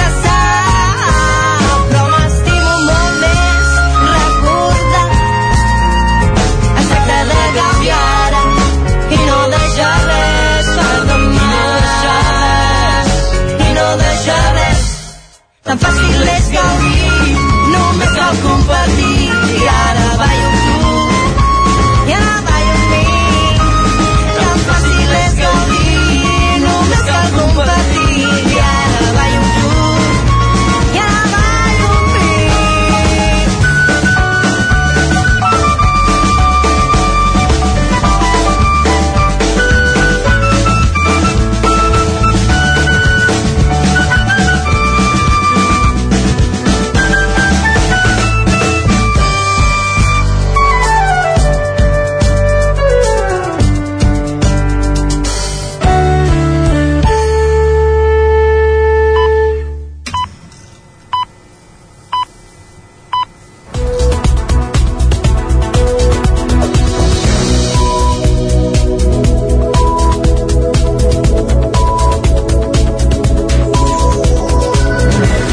Moment al territori 17, avui dimarts 26 d'abril de 2022, de posar-nos al dia, d'actualitzar-nos amb les notícies més destacades de les nostres comarques, el Ripollès, Osona, el Moianès i el Vallès Oriental, i ho fem en connexió amb les diferents emissores que dia a dia fan possible aquest programa. La veu de Sant Joan, Ona Codinenca, Ràdio Cardedeu, Ràdio Vic, el 9 FM i el 9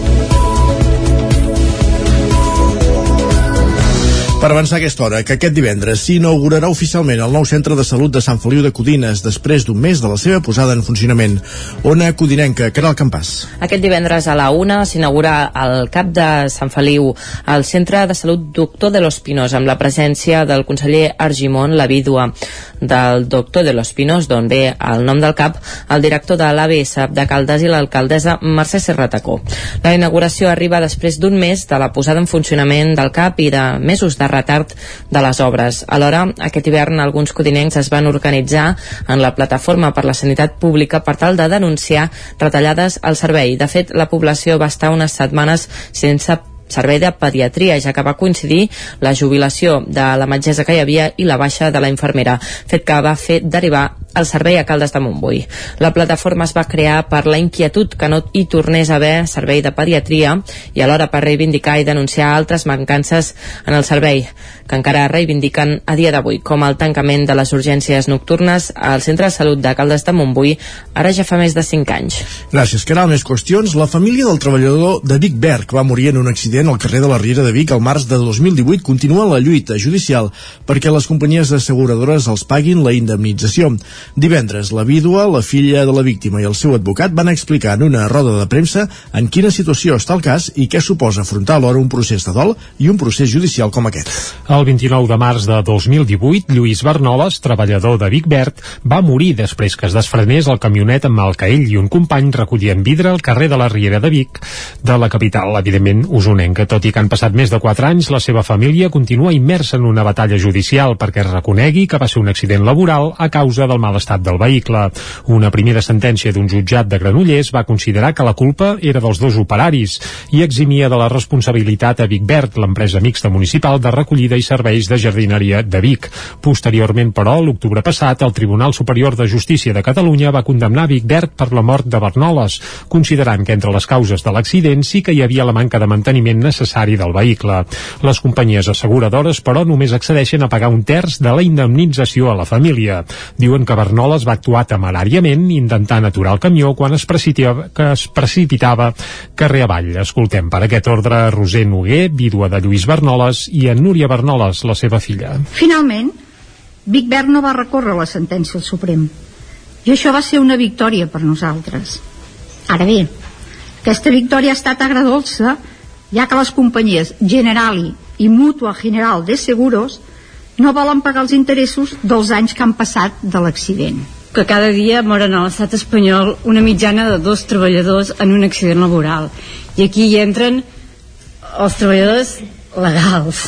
És una situació dramàtica que demostra que tant l'administració, les empreses i els grans sindicats, com UGT en el nostre cas, han deixat orfes ciutadans, treballadors i famílies. En la roda de premsa feta divendres al restaurant Calu, al mateix carrer de la Riera de Vic, també hi va prendre part Carla Dinarès, regidora de Capgirem Vic, i Josep Lluís Garcia, regidor d'Esquerra Republicana. En el seu moment, els dos grups van fer pressió a l'equip de govern de Vic perquè l'Ajuntament no presentés recurs a la sentència del Tribunal Superior de Justícia de Catalunya. Més qüestions. Jaume Maja, exalcalde de Call d'Atenes i expresident del Consell Comarcal d'Osona, torna a impulsar una llista electoral. Després d'un temps allunyat de la política, diu que es, es va massa al dia a dia i es pensa poc en el futur, i per això vol encapçalar una llista a les municipals de 2023. L'exalcalde Jaume Mas, que va estar al capdavant de l'Ajuntament de Call d'Atenes del 1993 al 2011, vol impulsar, impulsar una llista per presentar-se a les municipals de l'any que ve. Després d'un temps apartat de la política, considera que ara es gestiona molt el dia a dia i es pensa poc en el futur. És amb aquesta perspectiva que li agradaria formar part del consistori de nou. De moment el projecte no està del tot definit, però Mas sí que n'ha començat a parlar amb dues o tres persones i especifica que ell té ganes d'ajudar, però no d'anar al capdavant. Mas, que continua sent militant d'Esquerra Republicana, va governar durant 18 anys, però abans també havia estat regidor. El 2011 la llista que encapçalava va guanyar les eleccions, però un pacte entre Convergència i Amunt va deixar Esquerra a l'oposició i ell va renunciar a l'acte de regidor abans d'arribar a mig mandat. Això també el va portar a acomiadar-se del Consell Comarcal d'Osona, un ens que havia presidit entre 2003 i 2007. A Call d'Atenes, durant els seus mandats, es va impulsar el centre de serveis i també l'Auditori Teatre, i es van posar les bases del pavelló, l'institut o la urbanització del Torrental, però Mas va tenir problemes amb la secció local d'Esquerra i va marxar en polèmica precisament per les obres en aquest sector del Torrental. La notícia que es planteja reprendre la vida política arriba també després que el 2021 el jutjat de Vic arxivés el procediment penal contra ell per la urbanització del Torrental. El jutge va concloure que no hi havia indicis que corroboressin l'existència de delictes i només va admetre desajustos respecte al projecte aprovat que en tot cas serien de tipus administratiu i s'haurien d'haver resolt per altres vies. Canviant de qüestió, anem fins al Vallès Oriental. La botiga de consum sostenible Biopompas Biopompas, Cardedeu, és la primera botiga del Vallès Oriental que recol·lecta maquinetes d'afaitar i depilar per donar-los una segona vida amb la companyia TerraCycle. A més de promoure el reciclatge, la iniciativa recapta fons per a Greenpeace. Núria Lázaro, de Ràdio Televisió Cardedeu. Moltes vegades no reciclem bé els productes, ja que aquests compten amb més d'un component que no deixa clar on s'haurien d'abocar. És per això que des de TerraCycle han començat un projecte per donar-li una segona vida a les maquinetes d'afaitar i de depilar, reciclant el material, separant el plàstic per fer altres productes com per exemple saboneres i les fulles que les fonen en lingots i les utilitzen en la indústria metal·lúrgica. Des de la botiga Biopompes Cardedeu s'han unit a aquesta iniciativa instal·lant un petit contenidor a la botiga per poder recollir les maquinetes de qualsevol tipus de marca. Sandra Gutiérrez, Biopompes Cardedeu. La gent la tira al plàstic, però clar, ens oblidem que hi ha una part metàl·lica que això no sabem del cert que després s'ho separin i facin un reciclatge honest, la veritat. Llavors, aquí sí que ens assegurem de que a l'enviar-ho ho separaran i cada material anirà on ha d'anar. Encara que la botiga no estigui oberta, es poden deixar les maquinetes igualment a la caixa que tenen a fora de la botiga. A més de promoure el reciclatge, la iniciativa recapta fons per Greenpeace a Espanya. Sandra Gutiérrez, Biopompes Cardedeu. Bé, a partir dels dos quilos, nosaltres ja podem fer enviaments. Llavors, a partir del quilo, aquests punts ens transformen en euros. Llavors, aquests euros què passa?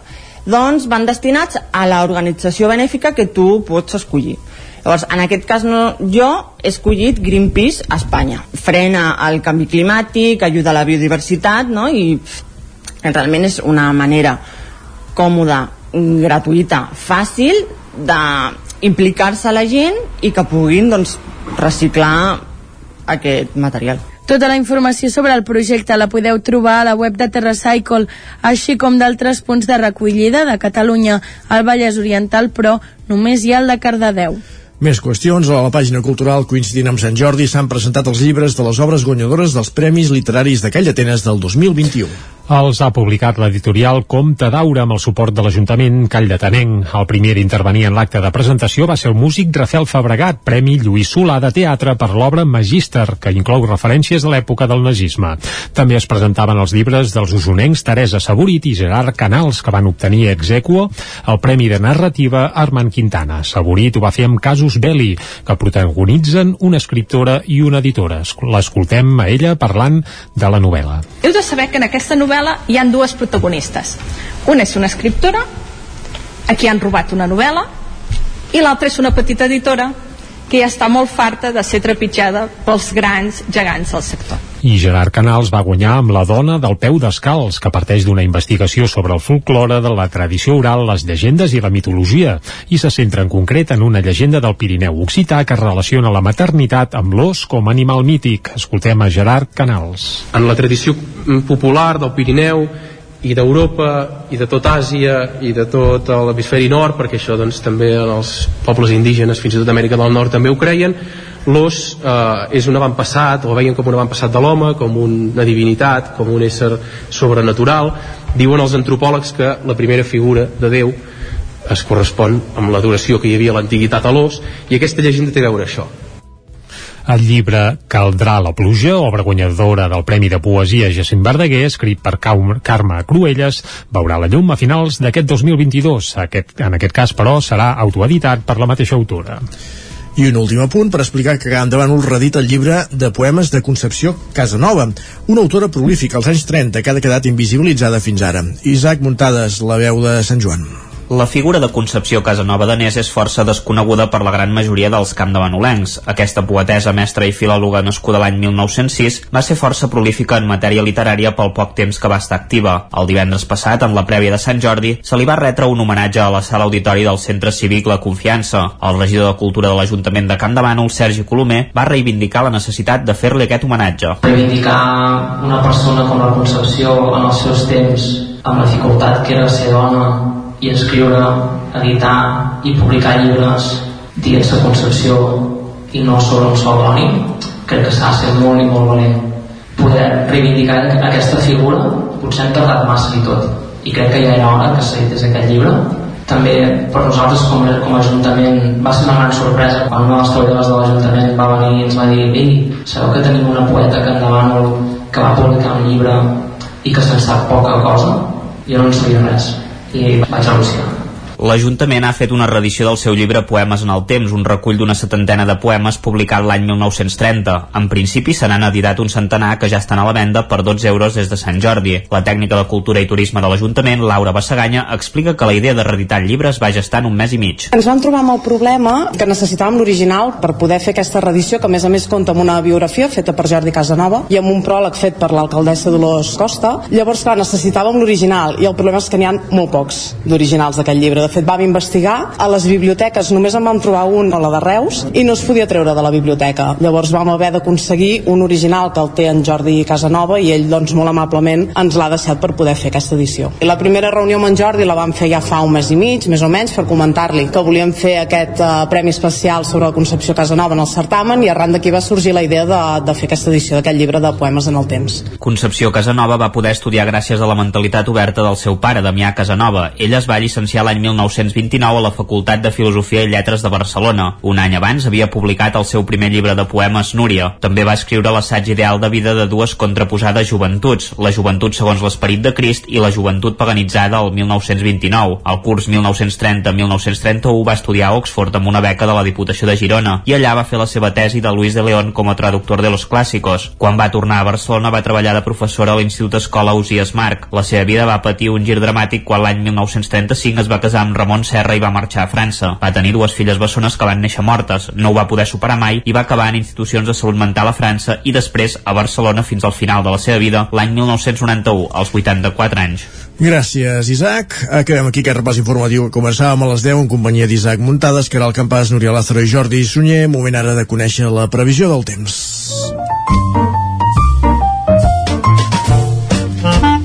Casa Terradellos us ofereix el temps. Una previsió que ens arriba sempre de la mà d'en Pep Acosta, l'hem escoltat a primera hora del matí, ens ha comentat que ens hem llevat frescots, però bé, amb la tònica del que hauria de ser habitual en un mes d'abril. Uh, li demanarem ara que ens ampliï una mica la informació. Pep, bon dia de nou. Hola, molt bon dia. I molt bona hora. Hi ha un anticicló mm -hmm. que domina força a tota l'Europa occidental, sí.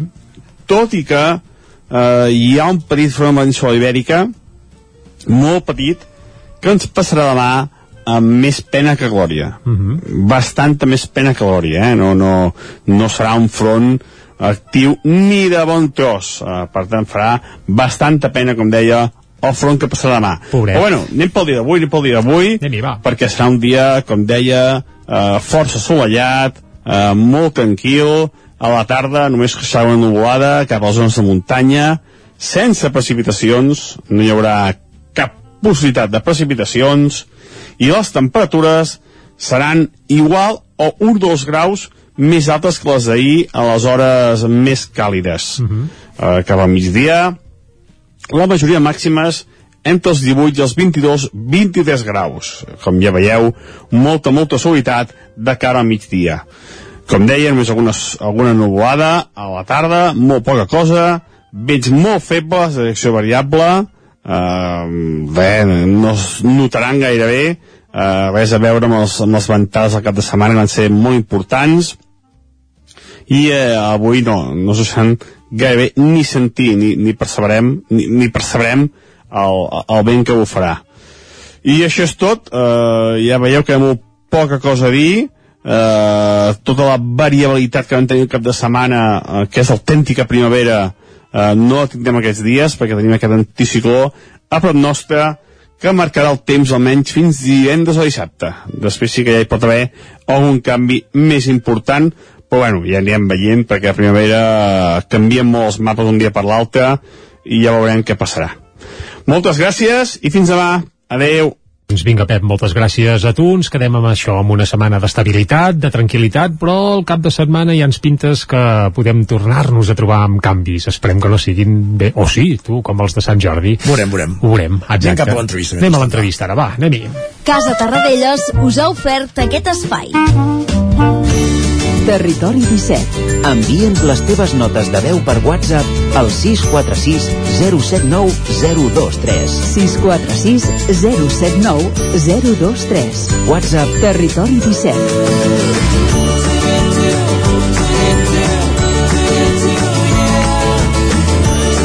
Territori 17. Som a Facebook, Twitter i Instagram amb l'usuari Territori 17.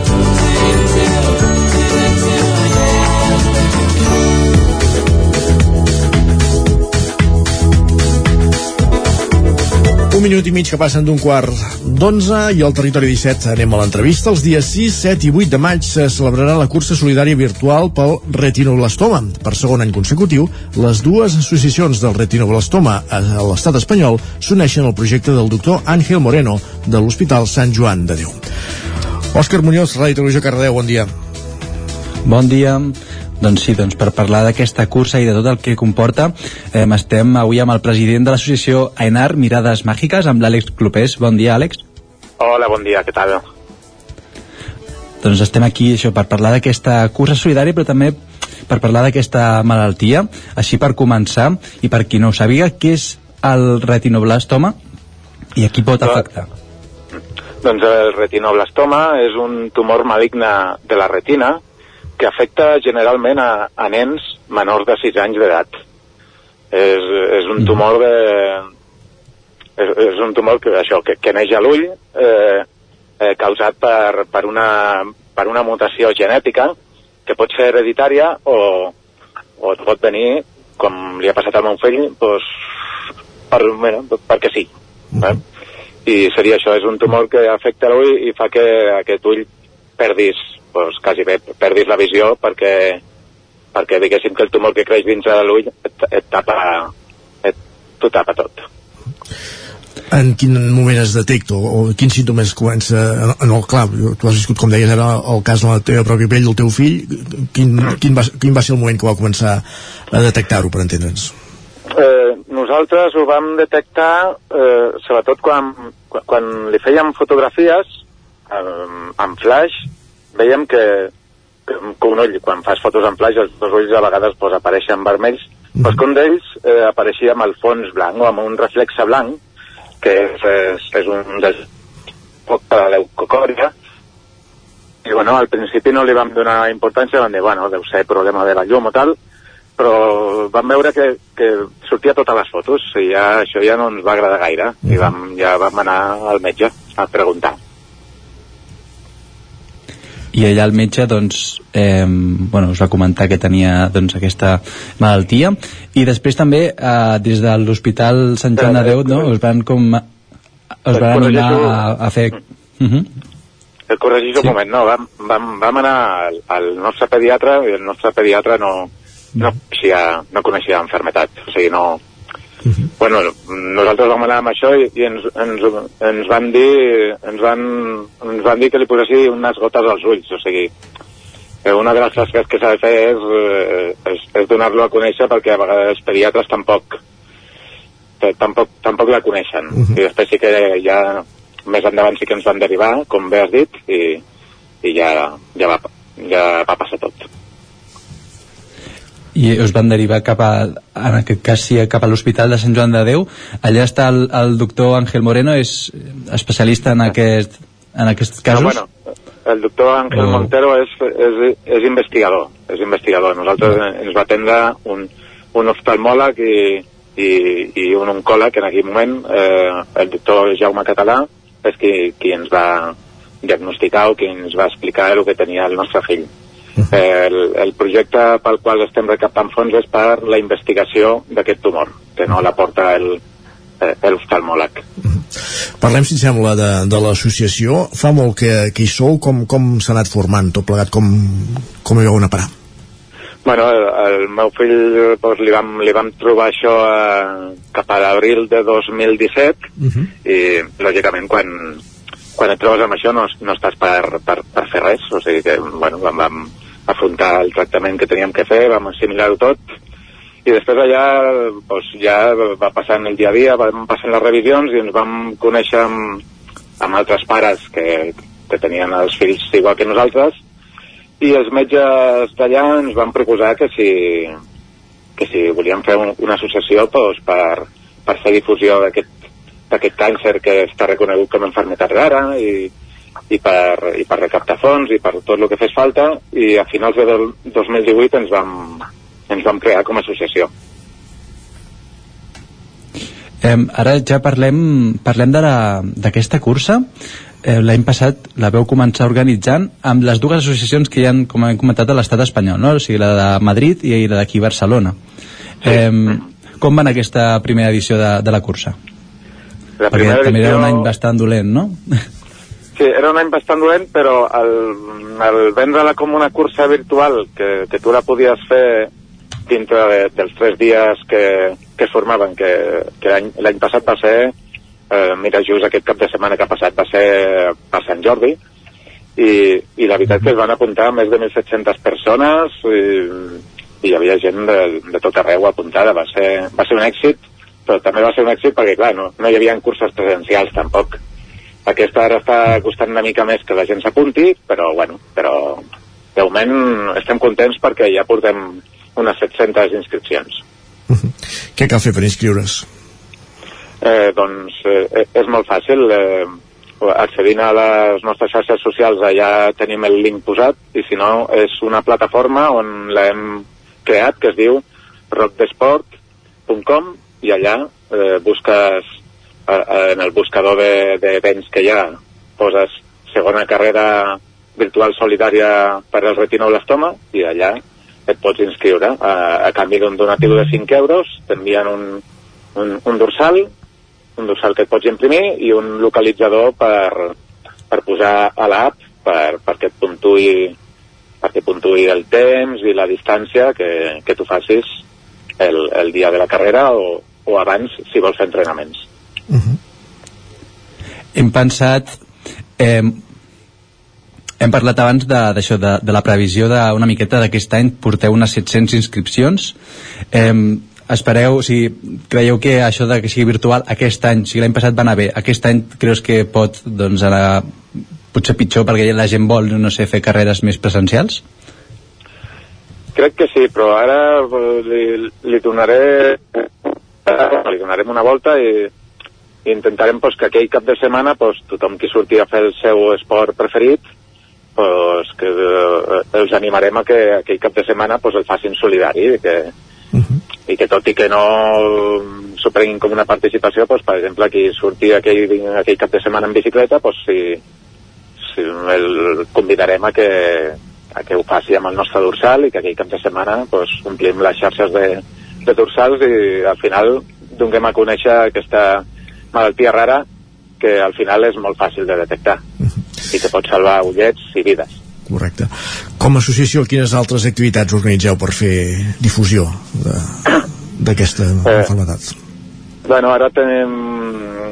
Ara, el mes que ve presentarem un, un spot, un, una espècie d'anunci, un vídeo que hem gravat, eh, que ja, ja us avisarem per si, per si ens ajudeu a, a difondre'l, eh, mm, que, que mostrarà una de les maneres de, de detectar-lo.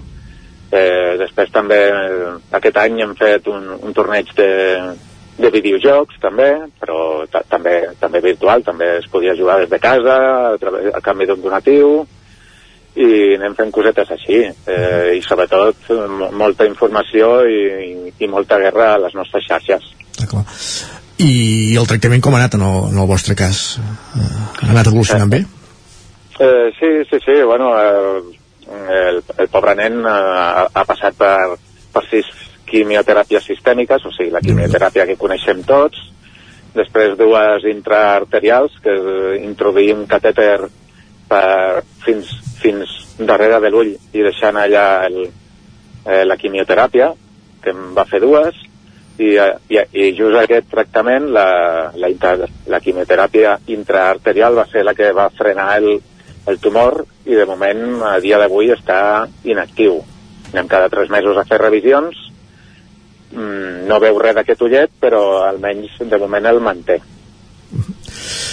Doncs que així continuï, que així sigui. Àlex Clopés, de l'associació Enar Mirades Màgiques, gràcies per ser avui al Territori 17, explicar-nos aquest testimoni colpidor i gràcies per la feina que feu també per divulgar aquesta, aquesta malaltia.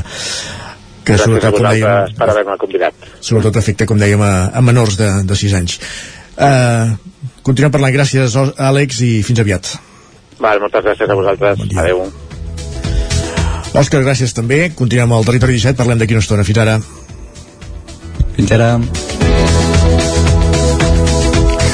I vinga, nosaltres seguim a Territori 17 i el que farem ara de seguida és fer una breu pausa de res, just 3 minutets i tot seguit qui ens acompanyarà serà en Guillem Sánchez amb qui repassarem algunes de les piulades de Twitter. Twitter, que atenció, ho han comprat, ho hem dit abans, per 41.000 milions d'euros el propietari de Tesla. S'ha quedat Twitter per un preu mòdic, com aquell que diu per una quiniela, que també hem descobert que la d'aquest cap de setmana eren 44.000 euros. Doncs a Twitter ho han venut per 41.000 milions d'euros. No sé si alguna piulada de les que ens portarà en Guillem anirà per aquí, però sí que farem un cop d'ull a Twitter. Això serà d'aquí 3 minutets. Ara fem una breu pausa, tornem a dos quarts en punt. Salut! El nou FM, la ràdio de casa, al 92.8. Això és el que s'escolta al voltant d'una caldera saunia d'Oval. Tranquilitat i benestar, perquè gaudeix del millor manteniment del servei tècnic oficial per estar despreocupat. O el que vulgui. Informis a Oficiat Nord trucant al 938860040. Saunia d'Oval, sempre al seu costat. Cobertes serveis funeraris. Els nostres tanatoris estan ubicats en els nuclis urbans més poblats de la comarca d'Osona per oferir un millor servei. Tanatori de Vic, Tanatori de Manlleu, Tanatori de Centelles i Tanatori de Roda de Ter. Sabem que són moments difícils i per això el nostre compromís és atendre-us en tot moment amb un tracte humà, sensible i respectuós. Cobertes serveis funeraris. Telèfon 24 hores 93 883 23 46. La Clínica Dental Sant Fortià hi trobareu un equip professional que treballa de manera coordinada per oferir un tracte sensible i humà. Estem preparats per qualsevol urgència dental i oferim accions preventives per la tercera edat i els infants. El doctor Ramon Garcia, implantòleg de Barcelona, fa 10 anys que visita Torelló. Clínica Dental Sant Fortià. Ens trobareu a la plaça Sant Fortià número 9 de Torelló al 93 859 6408 i al 690 92 51 99. A El Racó de León ja és primavera. Gaudeix de la nostra terrassa. Vine a tastar les xuletilles de lechal a la brasa amb una bona amanida o el xuletón de vedella gallega. No et pots perdre el nostre lechado de Castilla al forn o el cochinillo a l'estil de Segovia. Tot acompanyat del millor celler, al menjador o fora la terrassa. Descobreix la millor cuina de Lleó sense moure't de casa. Vine amb la família, els amics, la parella o sol. T'encantarà. El racó de León, cuina tradicional lleonesa i de mercat. Som al carrer Torelló número 35 de Vic. Per reserves, telèfon 93 889 1950. El racó de León, una cuina diferent. Cocodril Club. Si t'agrada la bona música dels anys 60, 70 i 80, escolta el 9 FM als matins de dissabtes i diumenges d'11 a 1. És el temps del Cocodril Club, tot un clàssic de la ràdio, amb les bases del pop-rock, les llegendes, les cançons que s'han convertit en autèntics himnes. Recorda, dissabtes i diumenges al matí, d'11 a 1, al 9 FM 92.8. Cocodril Club, el programa revival de l'Albert Malla. Hasta luego. Anuncia't al 9FM. La màquina de casa. 9 3 8 8 9 4 9 4 9 Publicitat arroba al 9FM.cat. Anuncia't al 9FM. La publicitat més eficaç. El 9 FM. El 9 FM. En punt dos quarts d'onze.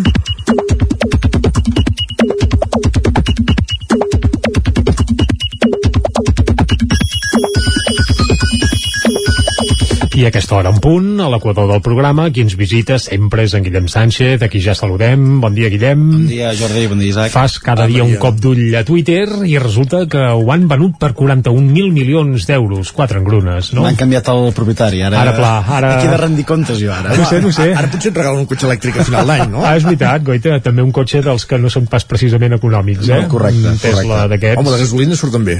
Sí? Bé, però... però el preu del cotxe tot bé, no seria un, Sí, si un, un utilitari convencional, eh? Però ja ho diuen, si et regalen un cavall no li miris la dentadura, doncs si et regalen un cotxe no un miris Tesla, el cavall. no miris el Exacte. val la gasolina. Va, però de moment em sembla que no ens portes cap regal Ho dic perquè n'hi ha d'elèctrics de eh? Tesla, si són punters amb I això. tant, i tant. No, no, i tant. Només Els haurem de provar, els haurem de, de provar, a veure si algú ens vol deixar algun exemplar aquí Bé, tu fora. que cada dia fas propaganda gratuïta de Twitter eh, així Quina a l'engròs, jo crec que, escolta, que et caigués un cotxe del cel, un Tesla, ara que, No diríem que no. seria el mínim. No diríem que no. Va, Elon Musk, eh, si ens escoltes, ja saps, eh, som a la plaça de la Catedral de Vic ara mateix, ens fas arribar el cotxe aquí.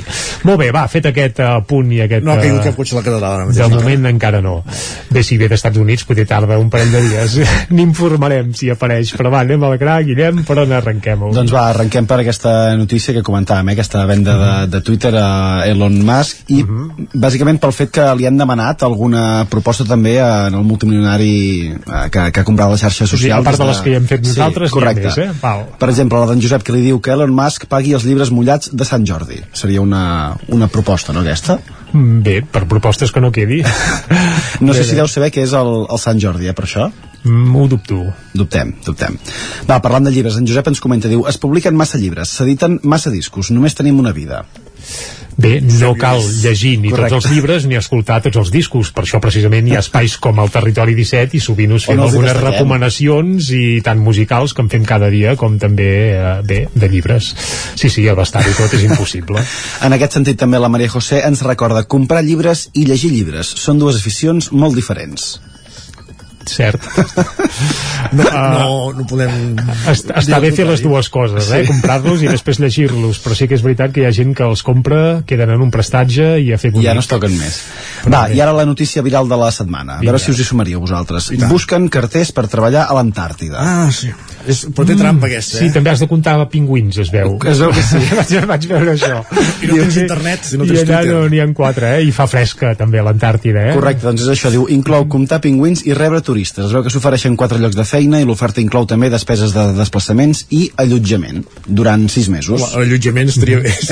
Sí, clar, sí, si ja has d'acampar allà sota un pi, bueno, primer que no hi ha pins i segon que passaries fresca, eh? Doncs va, els comentaris a través de Twitter ens han fet esperar alguns Comentaris usuaris i per cert també hi ha, hi ha gent que hi vol anar cap allà o que es no? veu que eh, se superen les 2.000 sol·licituds per anar eh, Uh, i a només n'han de triar quatre. N'han de triar quatre. Ufa, ostres, aquest procés de selecció pot ser pitjor que el d'eufòria. que- Alguns comentaris són, Ah. si te'n vas a l'Antàrtida és per comptar pingüins i no per rebre turistes, això podria ser una. Altres usuaris ens diuen la dificultat està en no descomptar-se, no sé com ho deuen fer també. Jo crec que en, si n'hi ha milers tampoc deu venir de- d'una dotzena, no? dos. però vaja. Hi ha altres usuaris que diuen, com en Carles, doncs jo hi anava a gust, una temporadeta, oi? O i tant. Sí, per què no? Bueno, Per què no? mira, en, ens ho podríem plantejar. Ens ho podríem plantejar. Mm. Va, i canviant de tema, recordem que, tot i que el cap de setmana potser vàrem passar temperatures i fred com si estiguéssim a l'Antàrtida, ara portem Home, dos dies que... animal, exagerat. Sí, home, sí, una mica, una mica, Isaac. Però allà vols mica... dir que hi ha aquests contrastos com un No quart sabem. fa sol i et torres i el 10 minuts després cau pedra? Podríem, podríem provar unes Clar, vacances és que hi hem d'anar, hem d'anar a comptar pingüins i comprovar la meteorologia d'allà i en parlem amb en Pep Acosta, per exemple, que pot ser que sigui divertit també. Doncs va, ara sembla que aquests dies el sol ha tornat a les nostres vides. L'Eli ens comenta primavera, una època de l'any bojíssima on pots veure a gent amb l'anorac i al costat algú amb tirants, correcte? Jo avui ja m'havia plantejat pantalons curts, de moment encara no... No? Vens amb calça me'ls- llarga, eh? Vinc amb calça llarga, però potser aquesta setmana encetem Bé, temporada. la màniga ja. curta sí que te la veiem, Aquesta però sí. bé, bé. I ben aviat començarà també, com dèiem, el mes de maig i deixarem enrere l'abril, un mes que ens porta associats alguns refranys que jo no havia sentit a la meva vida. Home, a si l'abril m'ajudeu. gotes mil, aquest és un clàssic, quin més, va? Abril té cara de beat i ungles de gat. Mm, mm, falti. Oreneta primerenca, primavera calorenca. Doncs fa gairebé un meset que en volta alguna ja. i abril plujós i maig ventós fan l'any ric i profitós. Jo aquestes no les havia sentit mai. Ens les apuntem totes. La última- popular... Aquesta última m'ha agradat, veurem si Sí, fa sí, bé el sí. maig ara. Va, i ara una petició molt ràpida, la que ens fan Marc a través de Twitter, a veure si el podem ajudar. Vinga. Diu, vull el talent de la gent d'Osona per fer servir el verb cardar en qualsevol context. Doncs res, que vingui a viure 15 dies aquí i ho aprendrà de seguida. Tot i que l'Eia li... Recordarem el cardar el vocabulari. Tot i que l'Eia li diu, eh, que el cardar és d'Olot. No fotem. Bé, la Garrotxa i Osona, comarques veïnes i germanes, el Cardà és de tothom que vulgui, uh, en tots els sentits. En tots els Va. sentits. I per acabar, va, vigileu a l'hora de fer les vostres compres, si no us pot passar com en Joel aquests dies, diu, després de gastar- gastar-me tots els estalvis en concerts i roba en poc més de mig mes, la, me la meva situació econòmica actual és pitjor que la de la Grècia del 2008. Doncs a veure si pot tenir algun ingrés, en Joel, i podem compartir algun dia de, de concert. vaja, que per el tenim exemple. cardat, eh, en El Joel? tenim cardat. No deu ser de la quiniela, aquest, eh? No, Evidentment, o si més no, no. no, ens ha, no ens ha volgut confessar a través de... de Bé, potser per dissimular eh, deixa anar això perquè no sàpiguem que és el- l'afortunat que s'han dut 44.000 euros eh, d'una quiniela un ple el 15 No sé que es va si- segellar aquest cap de setmana. No sé si aquests dies veiem algú amb un, amb un Tesla nou per aquí a Vic, potser és eh, senyal que li deu haver Bé, tocat la... deixa'm dir que potser amb 44.000 euros un Tesla, no sé si...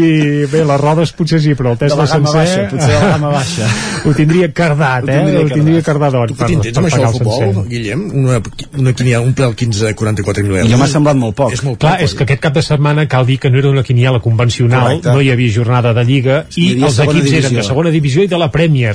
Per tant, I clar, jo- en casos d'aquests és evident que baixa i força la recaptació, I hi ha menys- moltes menys quinieles i juga menys gent i eh, però també s'ha de dir, calés. però també s'ha de dir que eh, té més mèrit potser encertar-la aquesta Ah, segur. setmana que no pas una setmana de... Mèrit sí, però dius ara que l'encerto i només guanyo 44.000 euros. Però això Algun, no- Algunes setmanes, si ets dels pocs encertants, te'n pots endur 100.000 o 200.000 Per això que no queda, més. no queda compensat. El No. sistema està malament. Aquí Bé. hi ha alguna cosa que falla. Deixa'm dir també que la quiniela ja no és el que era, eh? Tampoc es recapta el que recaptava fa 10 anys o 20. La que culpa és havia- Florentino. Sí, Correcte. Exacte, va. Uh, vinga, uh, Guillem, gràcies. Va, Jordi. fem un cop d'ull exacte a les portades del 99.cat. Uh, ara mateix comencem per la d'Osona i el Ripollès, que explica el camí que havien de seguir les caixes estava marcat pel Banc d'Espanya.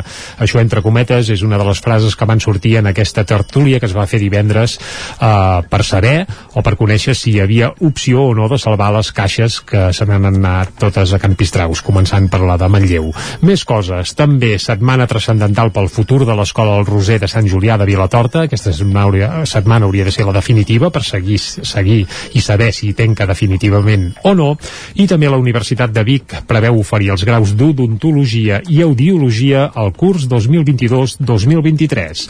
I anem ara cap al Vallès Oriental, al 99.cat, que ara mateix obre explicant que Ferrocarrils de la Generalitat i Arema guanyen el concurs de servei de recollida de residus i neteja viària de Granollers. He dit Ferrocarrils de la Generalitat i m'he confós, evidentment. Foment, no? Era Foment, sí. Uh, fomento de Construcciones i Contratas. Per tant, ja sabem qui ha aquí al darrere. Uh, en Florentino netejarà els carrers de Granollers. No, és evidentment, Ferrovial ai, mare de Déu, avui estem, estem fatal.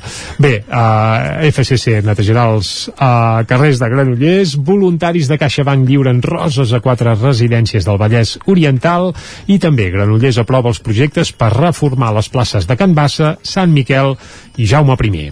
Gràcies, Jordi. Ara sí anem cap a la taula de redacció. Anem-hi.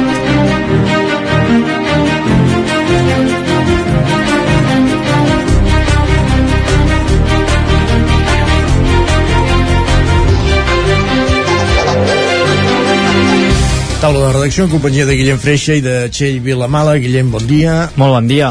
Per parlar de, de recollida de deixalles, però en aquest cas de- d'una planta de compostatge que s'ampliarà a Tona, de la Ah, comunitat. Exacte, sí, la Mancomunitat de la Plana, aquest ens supramunicipal que agrupa 12 municipis de, al sud de la comarca d'Osona principalment i que té la seu al sector del quadre de Malla, eh, també una zona de, del sud de la comarca, molt propera al nucli, al nucli de Tona i com dèiem, al costat d'aquesta seu de la Mancomunitat La Plana és on s'ubicarà aquesta nova planta de compostatge que permetrà multiplicar per 3 els residus procedents de la fracció orgànica que generen els municipis de la Mancomunitat.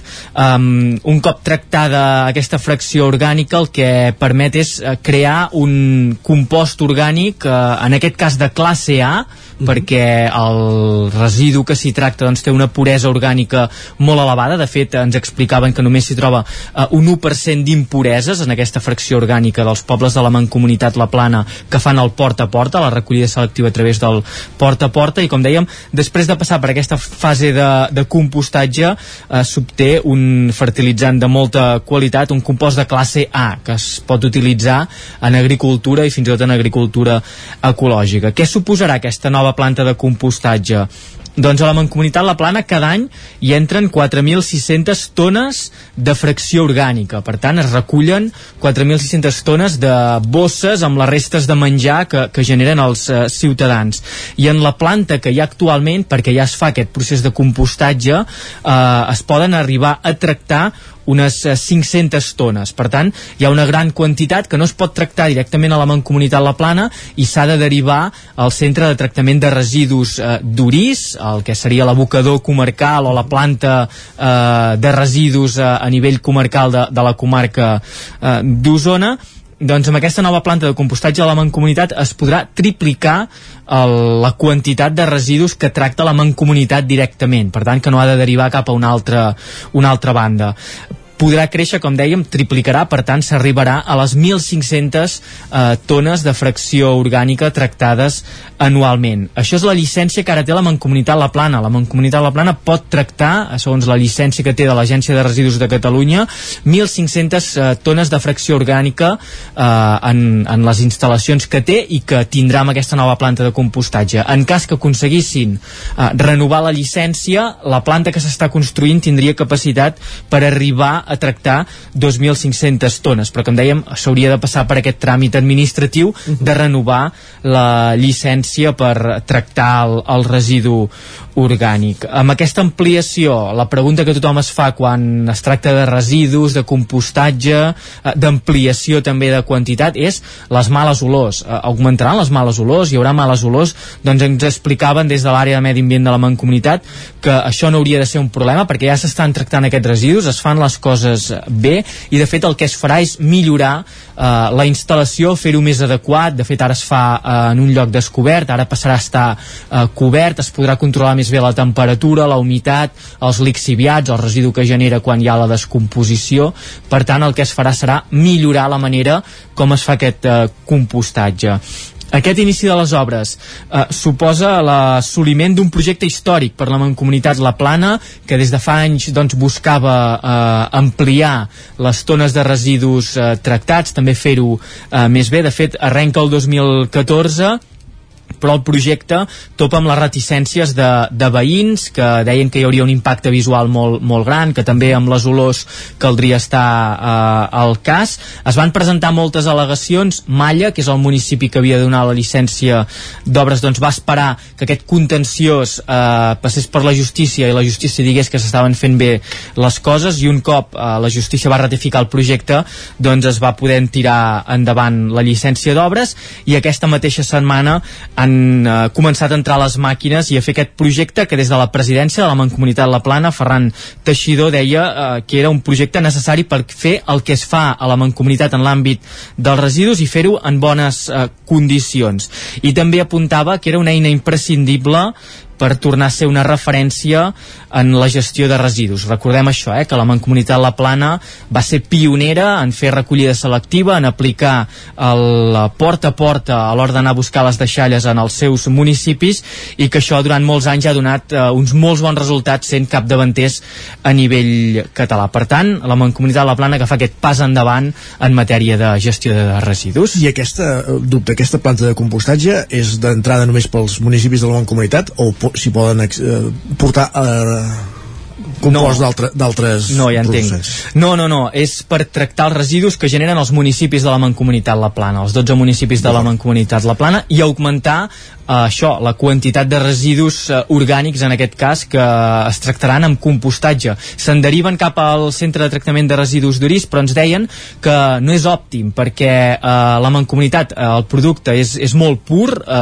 a nivell orgànic, eh, hi ha només això que dèiem, eh, un 1% eh, d'impureses i quan va a Uris, com que es, es barreja, per entendre'ns, amb tots el, els altres residus de, de la comarca d'Osona i que hi han més impureses perquè o no es fa la recollida selectiva del tot bé, eh, el porta a porta no s'aplica en molts dels uh, municipis de la comarca d'Osona, per tant el compostatge que se n'obté no és tan pur en aquest centre de tractament de residus d'Uris. Un centre de tractament de residus d'Uris per acabar que també està treballant un projecte per ampliar el, la quantitat de fracció orgànica que, que s'hi tracta, perquè sí que és veritat que en un futur molt proper hi haurà diversos municipis de la comarca d'Osona que passaran al porta a porta, fins i tot també ja n'hi ha amb contenidors eh, uh, xipats, per tant la fracció orgànica sí que anirà augmentant eh, en els propers anys. Gràcies, Guillem. De res. Continuem aquesta de la redacció, com dèiem, amb la companyia de la Txell Vilamala. Uh, bon dia, Txell. Bon dia. Per, per ampliar aquesta informació que donàvem a les notícies de, de les 10 de la família del treballador de, de Vic Verd mort en un accident laboral uh, i que ha mantingut durant tot aquest temps, quatre llargs anys, a més un litici judicial amb, amb les asseguradores, diguéssim, que no, que no reconeixien l'accident com a tal, que de fet responsabilitzaven en part de l'accident la víctima. Exacte, uh, de fet és això, com bé dius, han passat 4 anys des que aquest treballador de Vic Verd va morir, recordem mentre ell i un company feien la recollida de vidre al carrer de la Riera de Quívic i la família uh, primer es va trobar que els va costar molt que reconegués uh, que era un accident laboral per culpa del mal estat del vehicle i ara, un cop sí que hi ha una sentència del Tribunal Superior de Justícia de Catalunya uh, que reconeix que això era així perquè la planca del fre de mà estava excessivament desgastada, es troben que les companyies asseguradores eh, intenten eh, continuar imputant la culpa als operaris que estaven treballant aquell dia per evitar de pagar la indemnització pertinent a la família.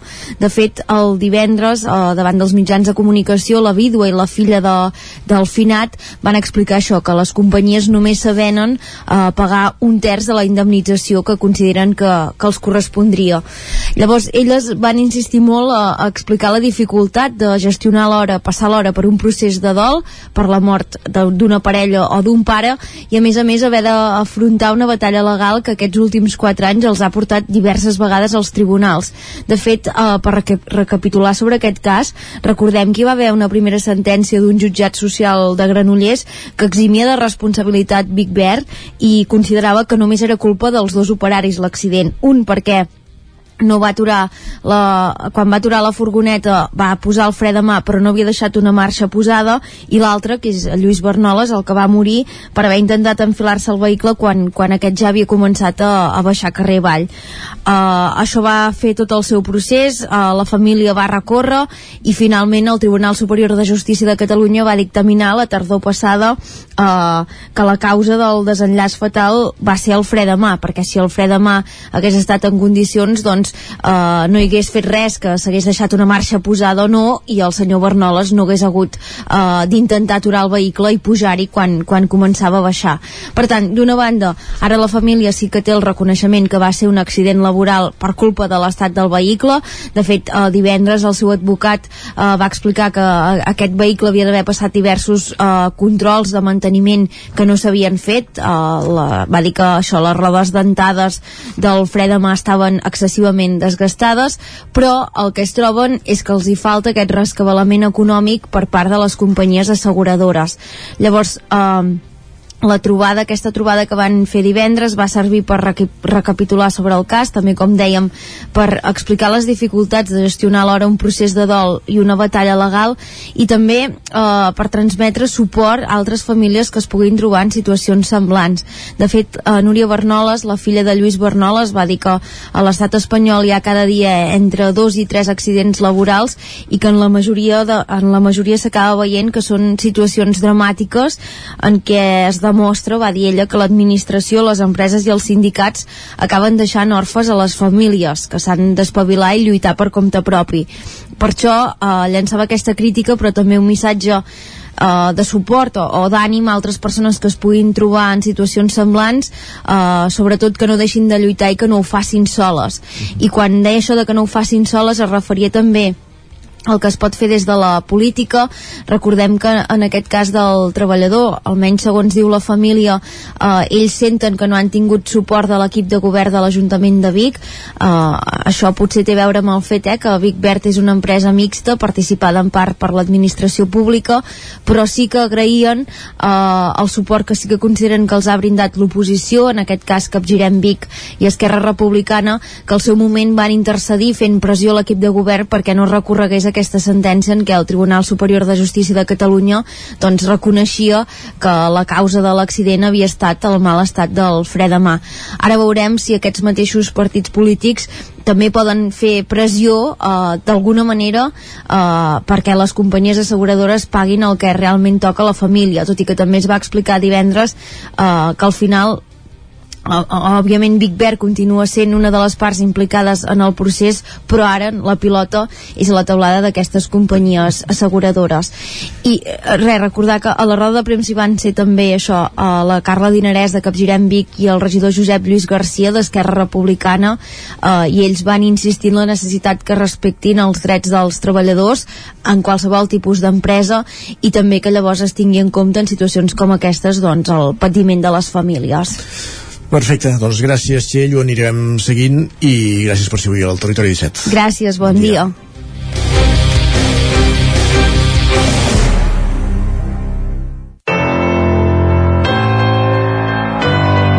Territori, Territori 17. 17.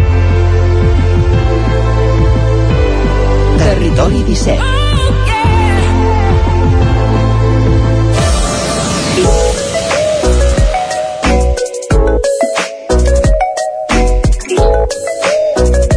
I al territori 17 en falten 8 minuts i mig perquè siguin les 11. Parlem de medi ambient i parlem de natura, com fem cada dimarts, i avui en companyia de l'Èlia Bretxa, del Centre d'Estudis dels Rius Mediterranis de la Universitat de Vic. Aquí ja saludem. Bon dia, Èlia.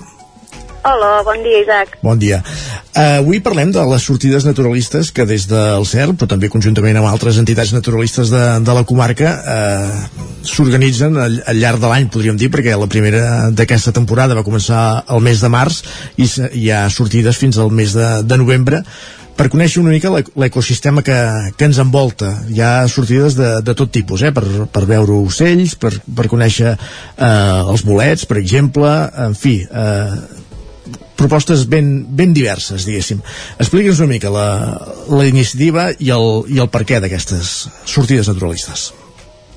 Uh, S'organitza ja des de fa uns quants anys, uh, conjuntament amb les entitats naturalistes d'aquí a la comarca, el grup de naturalistes, el Museu del Ter, a través del centre d'estudis, doncs uh, programem un calendari anual uh -huh. que ja és com un punt de trobada de, de diferent, del públic molt interessat en la natura i en, i en l'observació de, dels diferents grups uh, faunístics i de flora també.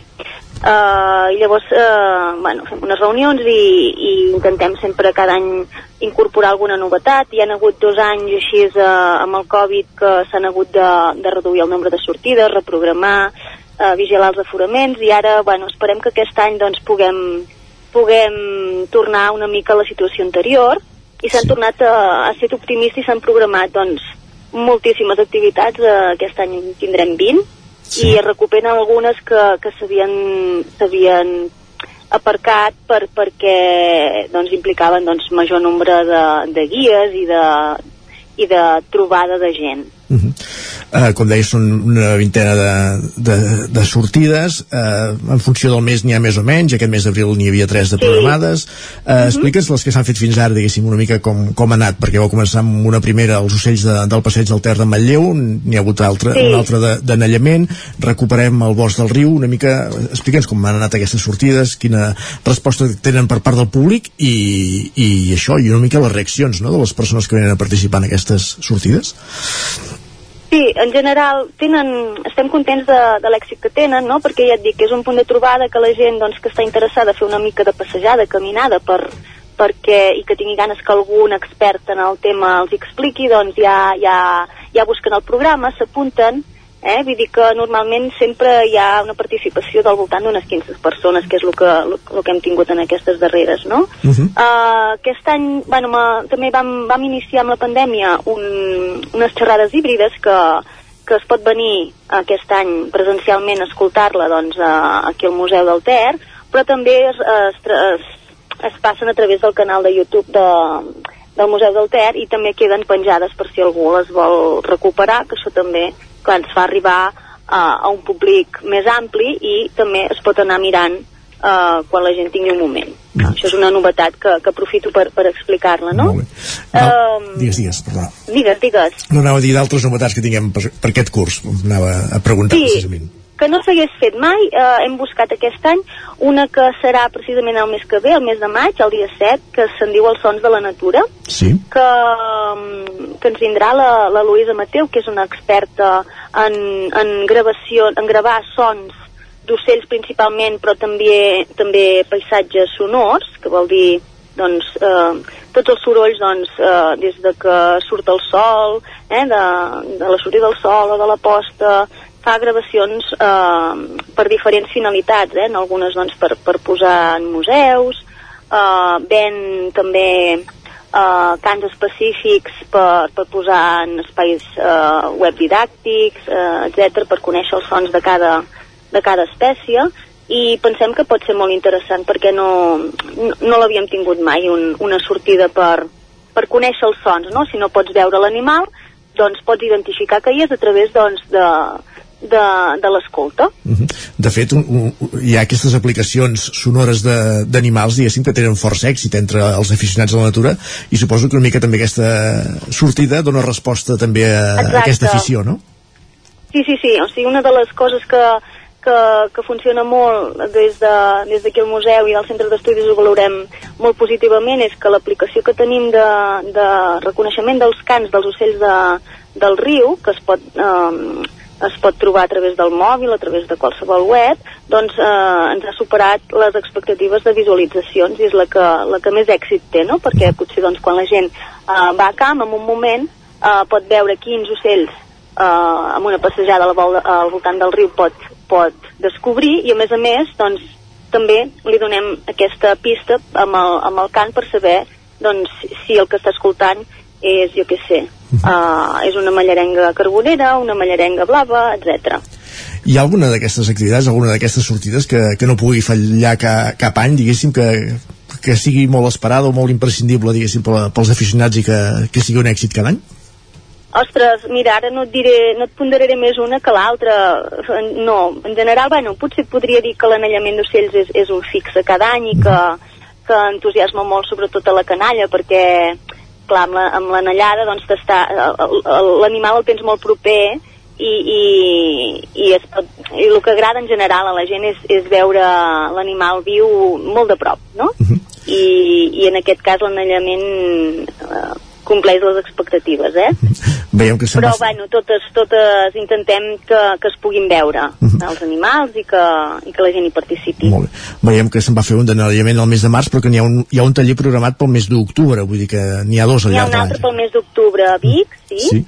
i segurament eh, estem aquest any que et deia que repreníem alguna activitat que l'havíem deixat una mica més aparcada, que és el BioBlitz, que és una cosa que sona una mica rara. Sí. Eh, és una campanya que, que es porta a diferents llocs del món, que és eh, programar, diguem, una, unes visites a camp com una marató de, de, de coneixement de la biodiversitat, en què un, en una jornada concreta, eh, de màxim un dia de durada, doncs hi han diferents experts, ornitòlegs, biòlegs, eh, de tots els diferents grups, que acompanyen públic eh, no expert, eh, famílies, nens, eh, interessats en la, en la natura i en, en aquests tipus de descobertes, eh, es programen doncs, en un dia, pots anar una estona a veure com un geòleg recull o explica doncs, eh, eh, temes de, geo de, de geologia o, o pots anar a mirar la vegetació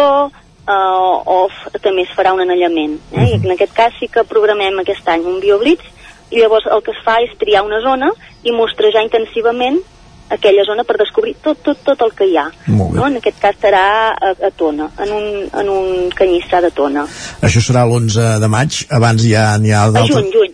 L'11 de juny, perdona. Sí. Uh, abans n'hi ha d'altres de programades aquest, aquest, aquest cap de setmana, el dia, uh, el dia 30, si no veig malament, hi ha un taller de Sí. papallones nocturnes, n'hi ha d'altres, eh? els sons de la natura que comentàvem abans, el Dia Mundial de la Migració dels Peixos, Flora i Vegetació, uh, les papallones, les libèl·lules, grills i saltamartins, busquem petits geòlegs, geòlegs perdó, nits, la nit dels ratpenats, aquesta suposo que també té certa gràcia, diguéssim, com totes, Sí. eh? però eh, dia mundial, el Dia Mundial dels Ocells també hi ha una sortida, sortida de descoberta geològica, descobrim el que eh, trepitgem, els bolets, taller d'anellament d'ocells, com dèiem, i acabeu amb un projecte de reserva de, de rapinyaires nocturns al sud de, de la plana de Vic. Les hem, les hem dit totes ara, eh? però Déu-n'hi-do la, vari... Déu la varietat de, de sortides que hi ha, com dèiem. Sí, si us hi heu fixat, n'hi ha algunes més adreçades a petitons, com aquests que ja n'hi diem, busquem petits geòlegs, no? que és Sí. un taller més, uh, més didàctic, que podríem dir, i n'hi ha que són més especialistes, com els sons de la natura, o, o els bolets, no? que també poden anar nens, però ja interessa més al públic adult.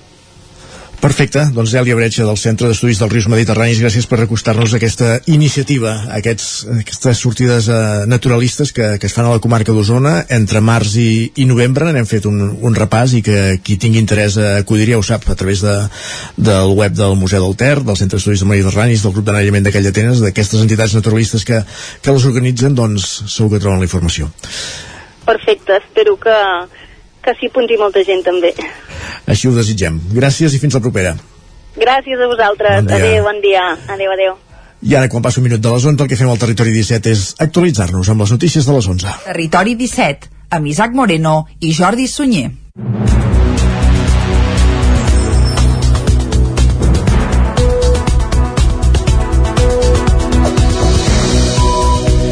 Per explicar-vos aquesta hora que precisament el Museu del Ter de Manlleu acollia divendres una taula rodona sobre la fi de les caixes catalanes després de la crisi financera que va començar el 2008. La pregunta que s'hi feia és si es podria haver evitat la desaparició d'aquest model i la resposta, amb matisos, va ser que sí, que s'haurien pogut salvar. La pregunta del milió la van respondre l'exconseller d'Economia Antoni Castells, que va ocupar el càrrec entre 2003 i 2010. Els exdirectius de Caixa Terrassa i Caixa Manlleu, Jaume Rivera i Jordi Espona, i Antoni Garrido, catedràtic d'Economia Aplicada de la Universitat de Barcelona, tots ells moderats per la periodista Pilar Abril. Escoltem en primer lloc a l'exconseller Antoni Castells. I jo encara no m'explico per què amb Caixa Catalunya no es va fer el mateix que es va fer amb Bànquia. Ja sé que després Bànquia ha acabat també doncs ha acabat sent absorbida per la Caixa, no? Però jo em pregunto per què no es va fer el mateix. És a dir, que entri Ufrop, que ho sanegi i que després ho vagi traient al mercat i aquesta batalla política s'havia de donar evidentment, perquè el gran llençol aleshores era Caixa Catalunya, no ens enganyem L'expresident de Caixa Terrassa i més tard d'Unim, Jaume Rivera, també té clar que s'hauria pogut fer molt millor. Jo crec que es podria haver acabat molt millor, en el sentit de si les ajudes es haguessin posat en el moment adequat hagués pogut fer aquesta separació dels actius dolents que es poguessin anar netejant de mica en mica eh, segurament continuaríem tenint caixes i segurament continuaríem tenint una obra social potent L'exsecretari general de Caixa Manlleu i excap d'assessoria jurídica d'UNIM, Jordi Espona, va explicar que l'existència de caixes incomodava el Banc d'Espanya i també a la gran banca. Una cosa tan maca, diguem que, que els propis beneficis d'una entitat vagin, diguem l'obra social al conjunt de la societat i semblava que això eh, era una distorsió del mercat. Jo no ho he entès eh, mai, no?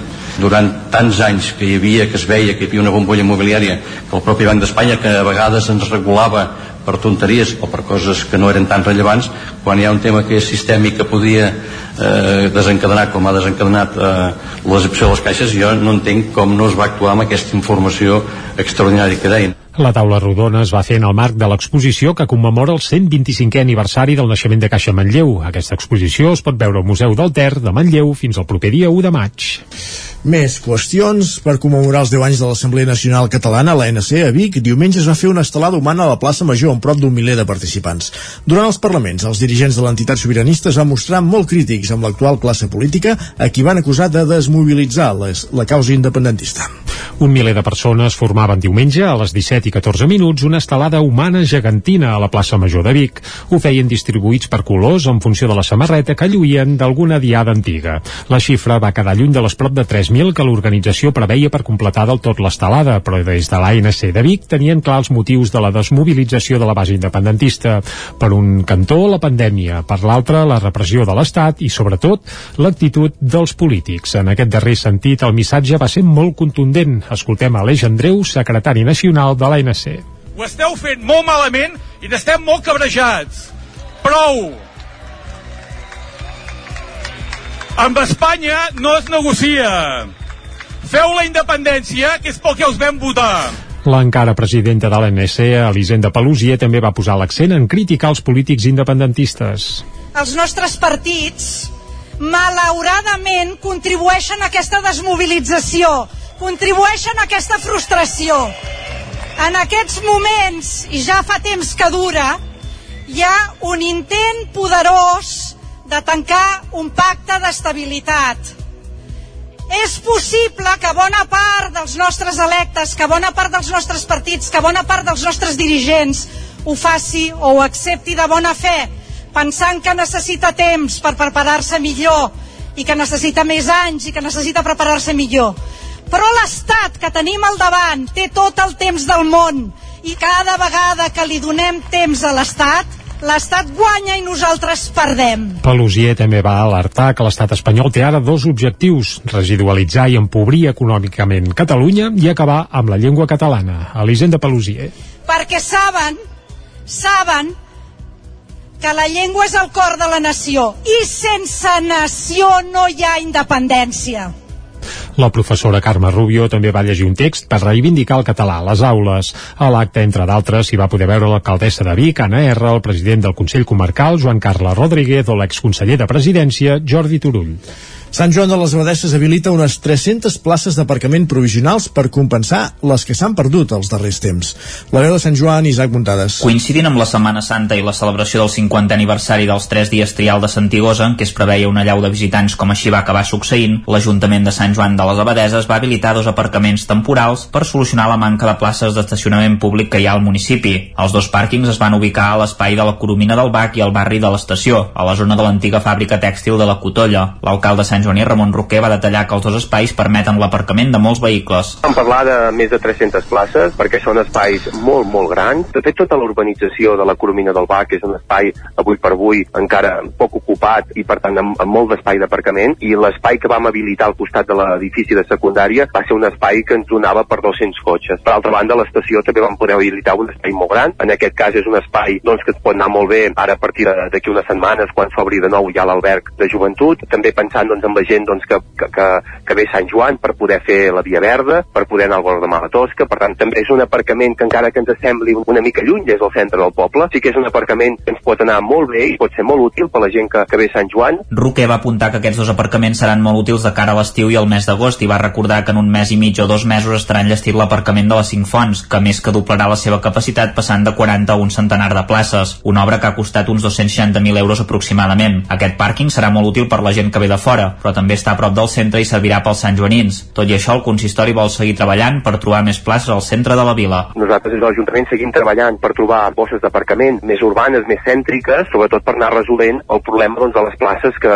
el carril bici s'ha acabat emportant de, sobretot de, de, de l'eix del Ramon Durris de la plaça Clavé fins a la Coromina. No? Per tant, no és un tema ni molt menys abandonat ni oblidat, tot el contrari. Penso que hem de no només arribar a, a les places que teníem just abans de començar a executar el pla de mobilitat, sinó que jo crec que pel bé de tots hem de trobar encara si pot ser més places. Roquer va subratllar que aquestes places han d'anar més enllà de les que hi ha de la zona verda, ja que són rotatives i els veïns han d'estar pendents de treure el cotxe cada hora. Gràcies, Isaac. Més aparcaments perquè des de l'11 d'abril les 90 places que hi ha davant l'estació de Cardedeu a, tingut, a tocar de l'Avinguda Rei en Jaume estan reservades a usuaris del servei de Rodalies. Funciona de dilluns a divendres de 6 del matí a 8 del vespre amb un tiquet digital gratuït amb una aplicació mòbil. Ràdio Televisió Cardedeu, Núria Lázaro. Descarregar-se per Can Loat amb els codis QR que hi ha a l'estació. D'una d'alta al vehicle, inicia l'estacionament i valida el tiquet entrant a l'estació. Aquests són els passos a seguir per aparcar a l'aparcament nord de l'estació de Cardedeu. Les 90 places que hi ha davant de l'estació a tocar de l'Avinguda Rei en Jaume estan ara reservades a persones usuàries del servei de Rodalies i podran aparcar de manera gratuïta de dilluns a divendres de 6 del matí a 8 del vespre. El tiquet digital serà vàlid per a una única jornada. Fora dels horaris de limitació, les 90 places d'aparcament seran d'accés lliure, per tant, hi podrà seguir aparcant tothom de les 8 del vespre fins les 6 del matí de l'endemà i els dissabtes i diumenges durant tot el dia. Verònica Vidal, regidora de Mobilitat. Sobretot ajuda molt a, que, a trobar aparcament i a no haver d'estar buscant aparcament per Cardedeu, donant voltes i evitant el que se'n diu el trànsit d'agitació eh, el que fa dirigeix clarament els vehicles que han d'anar a agafar el tren doncs, en, un, en un lloc concret de l'estació. Es controlarà que tots els vehicles tinguin el tiquet digital i si no l'han obtingut seran multats a partir del mes de maig. La iniciativa, que també es fa a l'estació de les franqueses Granollers Nord a Bella Vista de la mateixa línia R2, forma part d'una prova pilot que s'allargarà fins l'octubre, quan valoraran la continuïtat de la prova. Gràcies, Núria. I la Generalitat inclou el Parc Francesc Vinyes de Mollà al catàleg del Patrimoni Cultural Català, on acudirem que queda el campàs. Ara fa uns mesos l'Ajuntament de Mollà va declarar l'emblemàtic parc de Mollà com a bé cultural d'interès local. A la vegada l'Ajuntament va fer una petició al Departament de Cultura de la Generalitat per incloure el recinte al catàleg del Patrimoni Cultural Català. D'aquesta manera es vol dotar de la màxima protecció i reconeixement l'espai. Paral·lelament, Mollà ha impulsat un seguit de millores per conservar el parc i crear un pla d'usos i actuacions per tal de també millorar el recinte.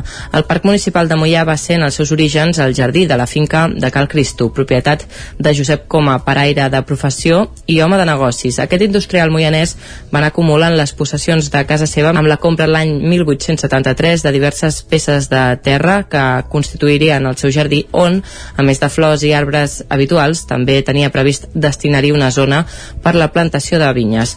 Després de la seva mort l'any 1915, el parc va acabar passant a mans públiques durant la Segona República. Gràcies, Caral. I a la pàgina esportiva, tal com us explicàvem la setmana passada, el dimecres, el 20 de- d'abril, feia 20 anys de la victòria del Club Patí Voltregà a la Copa de les Cers. És l'últim títol europeu que ha guanyat un equip d'hoquei masculí usonenc i el club el vol commemorar, vol commemorar l'efemèride a finals d'aquest any. Abans, però, el 9-9 va reunir ja fa uns dies a jugadors, tècnic i president del Voltregà del 2002 per recordar què va significar aquell títol per tots ells.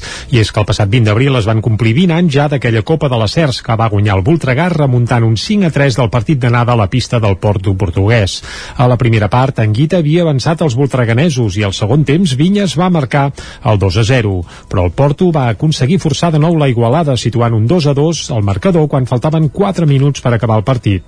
Però aleshores aleshores van aparèixer Armengol i Panadero per anotar dues dianes més i enviar el partit a la pròrroga. A la pròrroga no hi va haver gols i se'n va anar tot plegat cap als penals i allà Quim Casalí va marcar en el novè llançament del Voltregà i tot seguit Trabal va aturar el dels portuguesos certificant així un títol que és el darrer del primer equip masculí de Sant Hipòlit. Escoltem per aquest ordre a dos dels protagonistes d'aquell dia, Quim Casalí i Guillem Trabal. I a vegades hi ha la guassa una mica entre el grup de que va semblar que feia un misto i no, no és un misto, la pilota anava allà expressament. Aquell penal en el qual jo sóc el, la sort de ser el que l'aturo doncs jo crec que queda eh, a la ment de molta gent perquè és la culminació no d'un partit sinó d'un procés I és que el Voltregà ja venia això d'un procés amb unes grans temporades però sense poder-ho culminar amb cap títol. 20 anys després, reunits de nou per celebrar l'efemèride, tots els protagonistes coincideixen. El Voltregà i Sant Hipòlit mereixien guanyar una copa com aquella. Ho expliquen Jordi Camps, que era l'entrenador d'aquell equip, i Ramon Vilaró, que també era president l'any 2002 i era una manera doncs, de treure't un, un pes o bastant important de sobre va, a vegades doncs, hi ha miracles en aquest cas. Va passar i, i disfrutar-ho amb la gent que crec que s'ho mereixia molt. Que vam guanyar el campió, el campió d'Europa i campió de la Lliga Portuguesa i el que la vam aconseguir. Va ser un èxit. Recordar que és la vuitena final que fèiem seguida i no m'hi guanyat cap Vuit finals i fins a la novena el Voltregà no es van dur un títol. Aquell dia fins a 1.200 persones van omplir el pavelló Oliveres de la Riba. El Voltregà té previst organitzar un acte final de temporada per commemorar els 20 anys del seu triomf a la Copa de les Cers. I amb els records, amb el 20è aniversari d'aquesta Copa de les Cers de Voltregà, acabem aquest eh, repàs informatiu que començàvem a les 11 en companyia de Jordi Sunyer, Núria Lázaro, Caral Campàs, Isaac Muntades. Moment tot seguit al Territori 17 de parlar d'economia. Territori 17. Envia'ns les teves notes de veu per WhatsApp al 646 079 023. 646 079 023. WhatsApp Territori 17.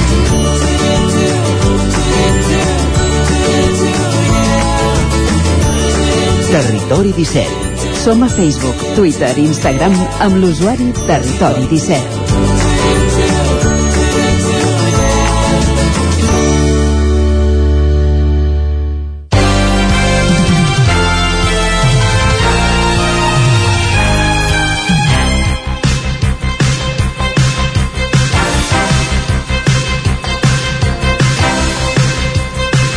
Ja sabeu, com cada dimarts, a aquesta hora el que toca és parlar d'economia, quan falta un minut perquè sigui un quart de dotze, i ho fem en companyia d'en Joan Carles Arredondo, el cap d'Economia del 9-9 del Vallès Oriental. Joan Carles, bon dia.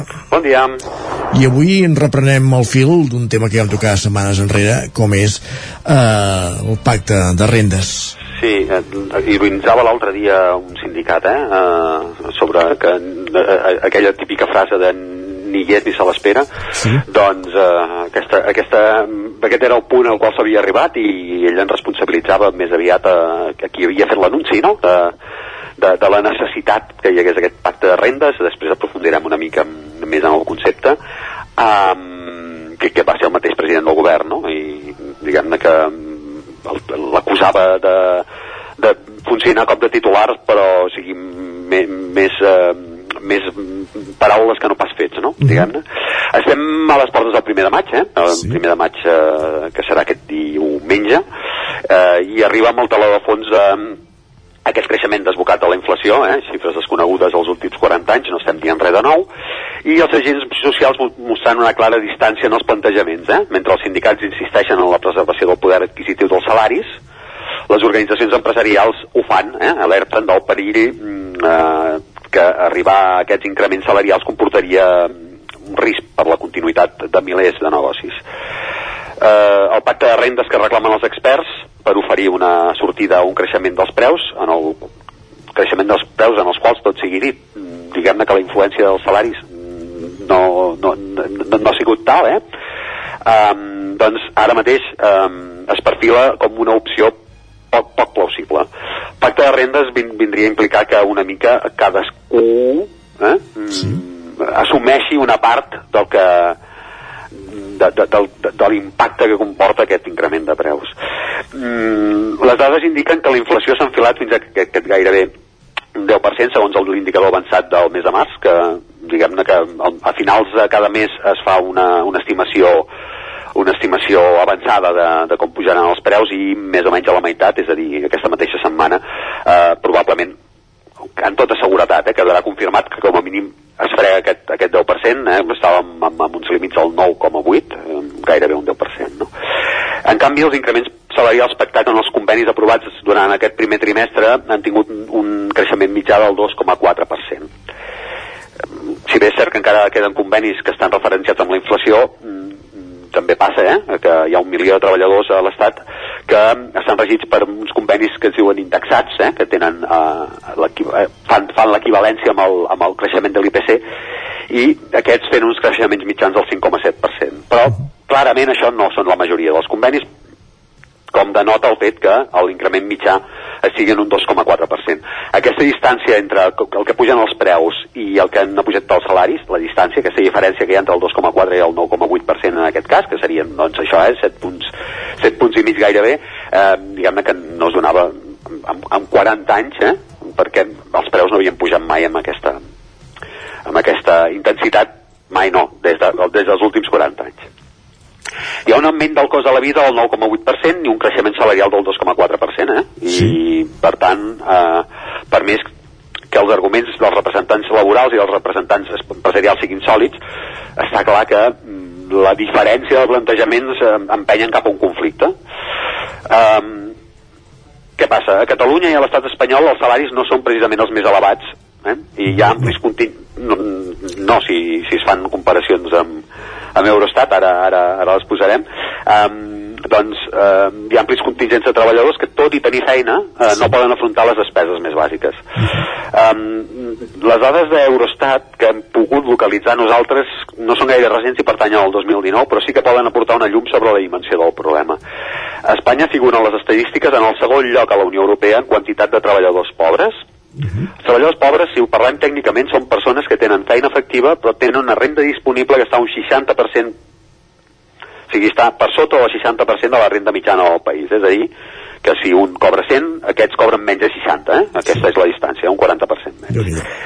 Eh, és una segona posició en treballadors pobres que només situa l'estat espanyol per darrere, per darrere de Romania, eh? eh mm, no apareixen aquí sospitosos habituals com Bulgària, com Grècia, com... Eh, s'està pitjor en això, eh? Sí, sí. Uh, en l'any 2019 eren 12,7% dels treballadors actius, això era el que deien les dades de l'Eurostat. L'Eurostat és com, com l'IDESCAT com, o com l'Institut Nacional d'Estadística, però per escala europea. Eh, doncs això, eh? vindrien a ser 2,5 milions de persones. Una xifra que encara seria pitjor, eh? Mm, que es va enfilar segur, segur el 2020, eh, sí, es fa, s'atenen les dades de l'Institut Nacional d'Estadística, mentre el 2019 eren 2,5 milions de persones segons Eurostat, eh, l'Institut Nacional d'Estadística elevava el 2020, l'any de la pandèmia, i que va portar moltíssims treballadors a cobrar menys perquè estaven molts afectats per ERTOs, etc. doncs a un 3,2 perdó, a 3,2 milions de, de, de treballadors. Eh? Eh, ja, aquest percentatge, diguem-ne, s'incrementaria notablement. Eh, són, per tant, treballadors definits tècnicament com a pobres, però sense posar-hi aquesta definició tècnica que dèiem abans, no costa gens concloure que amb de, amb aquests creixements de preus de productes bàsics que s'està produint i també vista l'evolució de l'Euríbor, eh, al qual estan referenciades principalment les hipoteques, l'habitatge també pujarà, eh, el, el, el que s'hagi d'invertir en habitatge, doncs portaran a greus dificultats a un contingent encara més elevat de persones. És cert, és cert que portar creixements eh, salarials equivalents a la inflació posa les empreses en dificultats de viabilitat, però en realitat el que, el que acabaria passant, no? Posem que les empreses pugen l'IPC, això el que fa és fer pujar els preus eh, de manera que arribem a, un, a, un, a una situació d'empat en el qual les empreses han hagut de pagar més als treballadors i els treballadors mm, mm, també hauran de tornar una, una altra vegada demanar una altra vegada un increment eh? això ens entrem, entrem aquí en, en, en una espiral en, en un peix que es, eh? el peix que es mossega la cua um, però um, diguem-ne que hi ha una sí que es pot detectar una escassa mm, disposició negociadora com la que mostrava la setmana passada el president de la, de la patronal espanyola, eh, la COE, eh, Antonio Garamendi, en un acte de la, eh, que havia organitzat Foment del Treball a Barcelona, sobre la possibilitat d'indexar els salaris a l'IPC. Mm -hmm. Ell deia que comporten un risc d'incrementar, eh, diguem-ne que aquesta poca predisposició que va mostrar a negociar en aquest sentit comporten un risc d'increment de conflictivitat laboral i no costa gens imaginar que la conflictivitat laboral tampoc és la millor de les situacions per les empreses. Ni per les empreses ni per ningú, de fet, la conflictivitat és bona, no? Eh, diguem-ne que per al, per al desenvolupament dels negocis, que és del que estem parlant ara, segurament no és la millor, eh? Uh -huh. Vale. El plantejament que estan fent els sindicats no comportaria que el creixement dels salaris fos equivalent a la inflació de cop, eh? Almenys les últimes propostes, sinó que estan disposats que hi hagi increments per sobre la mitjana ja esmentada, aquesta del 2,4%, ja a partir d'aquest any i que aquesta sigui una tendència que es mantingui en els propers tres exercicis per acabar de compensar tot aquest creixement. No li estan demanant a l'empresariat que pugi de cop un 9,8%, diguem-ne. Eh? Eh, per tant, eh, eh, aquí ja hi ha hagut, sembla, no?, un, un intent d'apropar posicions. Així les empreses podrien modular l'impacte que l'increment de preus ha de tenir en els salaris i mm, ara sí que el, també els sindicats es mostren escèptics sobre els termes de pacte de rendes del, del qual s'ha fet ressò el mateix govern, eh? o sigui, ho apuntàvem al principi. Eh, això implicaria una sessió dels empresaris de, de, de part de, de beneficis de, de part dels beneficis, dels treballadors amb una menor exigència salarial, però què passa? Aquests treballadors que poden quedar exclosos perquè aquest, mm, aquest poc increment salarial respecte als preus mm, diguem-ne que els pot posar en moltes dificultats, aquí és on ha d'intervenir el govern, no? perquè hi hagi mesures de protecció a les famílies més vulnerables. Uh -huh. I aquí està grinyolant tot. No sembla que els empresaris estiguin gaire disposats a cedir beneficis, no sembla que els treballadors estiguin disposats a cedir els salaris i no sembla que el govern estigui aplicant mesures que ho convidin a pensar que s'està intentant treballar per als més desfavorables, no? I eh, per, no és el millor escenari. En, aquí no hi ha hagut... El pacte de renda és un concepte molt abstracte, molt abstracte sí. i que ni, ni, ningú acaba de definir eh, en, en els termes exactes però de, de moment diguem-ne que les tendències no semblen apuntar en aquest, en aquest sentit no? eh, davant els avenços més aviat poc mm, constatables de la negociació col·lectiva quedarien les solucions individuals no? si no se soluciona la cosa col·lectivament però tam també en aquest terreny convé tenir present que no és una solució molt, molt habitual en l'entorn geogràfic en què estem, eh? Hi ha un estudi difós, m'ha semblat que era, que era curiós i per tant ho recollim, eh? Un, un estudi que havia difós l'agència la, Bloomberg, eh? d'un institut americà. L'agència Bloomberg no, vull dir, el, el que va fer l'estudi mm, és una agència americana i, perdó, un, un, centre, un, un, un centre d'estudis americà i el va recollir l'agència Bloomberg. I eh, aquest estudi conclou que, que Espanya és l'estat europeu on els seus treballadors tenen menys predisposició a demanar un augment de sou només eh, ho, ho voldrien fer un de cada cinc treballadors. L'estudi esmenta que les causes per les quals els treballadors argumenten que no demanen l'augment i la més esmentada és que no veuen l'oportunitat que els empresaris pels quals treballen els els concedeixin. Eh? Diguem-ne que no hi ha gaire predisposició o no es detecta gaire predisposició tampoc dels empresaris a atendre aquestes peticions. Això ho fan dos de cada tres encastats, eh? dels que diuen que no, que no demanarien un augment de sou, diu total, perquè, perquè la resposta és que tanquin la porta, exacte. No? Llavors, només un de cada quatre diu que no ho fa perquè ja està satisfet amb el que cobra, eh? això també pot passar, abans parlàvem del salari del rei. En algun moment, i a veure si algú se'l creu. I encara són menys els que diuen els que no ho demanaran perquè ja els han pujat el sou, potser estaria en aquest, eh, -huh. en aquest àmbit el rei, no? En els comunicats mèdics dels equips de futbol s'ha posat bastant de moda l'expressió aquesta sobre els temps de baixa dels futbolistes, eh? Diuen, és una frase que no diu res, diu l'evolució de la lesió determinarà la durada de la baixa, que això dius, ostres, no, no, no, no, no calia que m'ho expliquessis això. Sí. Doncs en l'actual context econòmic també s'adoptaven expressions que diuen poc, perquè no hi ha cap bola de vidre capaç d'il·luminar sobre com evolucionaran els preus els propers mesos. La bona notícia és que s'espera que l'índex de preus de consum es moderi i que pugin, pugui impactar els salarials més generoses que les actuals i que llavors aquest gap que deien que, que, que està tan elevat eh, es vagi ajustant. Però el més probable és que els treballadors hagin d'assumir que no recuperaran tot el poder adquisitiu. Si els empresaris estan disposats a sumar que, que assumir que també hauran d'ajustar els beneficis i el govern està disposat a ajudar els treballadors que caiguin en el risc d'exclusió, potser s'arribaran a un punt en què aquestes conflictivitats eh, no arribin. En cas contrari, mm, el conflicte està servit i els sindicats l'anuncien per, el segon, per la segona meitat de l'any. Aquest 1 de maig ja veurem bastantes reivindicacions en, en aquest sentit. Mm. Doncs estarem amatents, evidentment. Joan Carles Arredondo, gràcies una setmana més per posar-nos llum a aspectes econòmics. Gràcies a vosaltres, bon dia. Bon dia.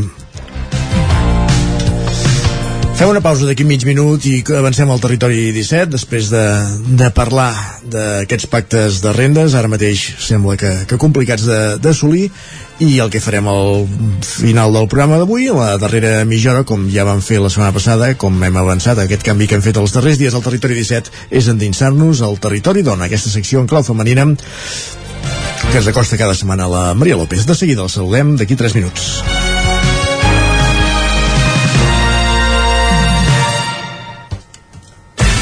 El nou FM, la ràdio de casa, al 92.8. A la Clínica Dental Sant Fortià hi trobareu un equip professional que treballa de manera coordinada per oferir un tracte sensible i humà. Estem preparats per qualsevol urgència dental i oferim accions preventives per la tercera edat i els infants. El doctor Ramon Garcia, implantòleg de Barcelona, fa 10 anys que visita Torelló. Clínica Dental Sant Fortià. Ens trobareu a la plaça Sant Fortià número 9 de Torelló al 93 859 6408 i al 690 92 51 99. A El Racó de León ja és primavera. Gaudeix de la nostra terrassa. Vine a tastar les xuletilles de lechal a la brasa amb una bona amanida o el xuletón de vedella gallega. No et pots perdre el nostre lechado de Castilla al forn o el cochinillo a l'estil de Segovia. Tot acompanyat del millor celler, al menjador o fora la terrassa.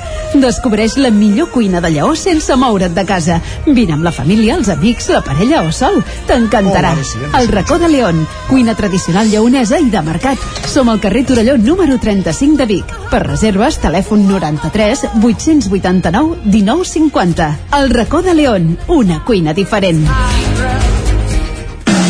Arriba la primavera i tornen les samarretes. A Gràfic Cert tenim una extensa varietat de samarretes per vestir el teu personal, promocionar la teva empresa, club esportiu, associació... Si estàs organitzant un esdeveniment esportiu o una festa cultural, una samarreta és una bona opció per lluir la teva marca. Ja ho saps, si el que necessites per la teva promoció és una samarreta, Gràfic Cert és el teu proveïdor. I ara també tenim a la teva disposició samarretes 100% reciclades tant de cotó com de polièster. No esperis més i truca'ns al 93 886 12 15 o visita'ns a graficcert.com. Cobertes serveis funeraris. Els nostres tanatoris estan ubicats en els nuclis urbans més poblats de la comarca d'Osona per oferir un millor servei. Tanatori de Vic, Tanatori de Manlleu, Tanatori de Centelles i Tanatori de Roda de Ter.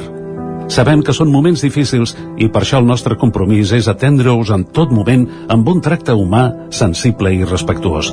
Cobertes serveis funeraris. Telèfon 24 hores 93 883 23 46. Cocodril Club. Si t'agrada la bona música dels anys 60, 70 i 80, escolta el 9 FM als matins de dissabtes i diumenges d'11 a 1. És el temps del Cocodril Club, tot un clàssic de la ràdio, amb les bases del pop-rock, les llegendes, les cançons que s'han convertit en autèntics himnes. Recorda, dissabtes i diumenges al matí, d'11 a 1, al 9 FM 92.8. Cocodril Club, el programa revival de l'Albert Malla. En punt dos quarts de dotze al territori 17.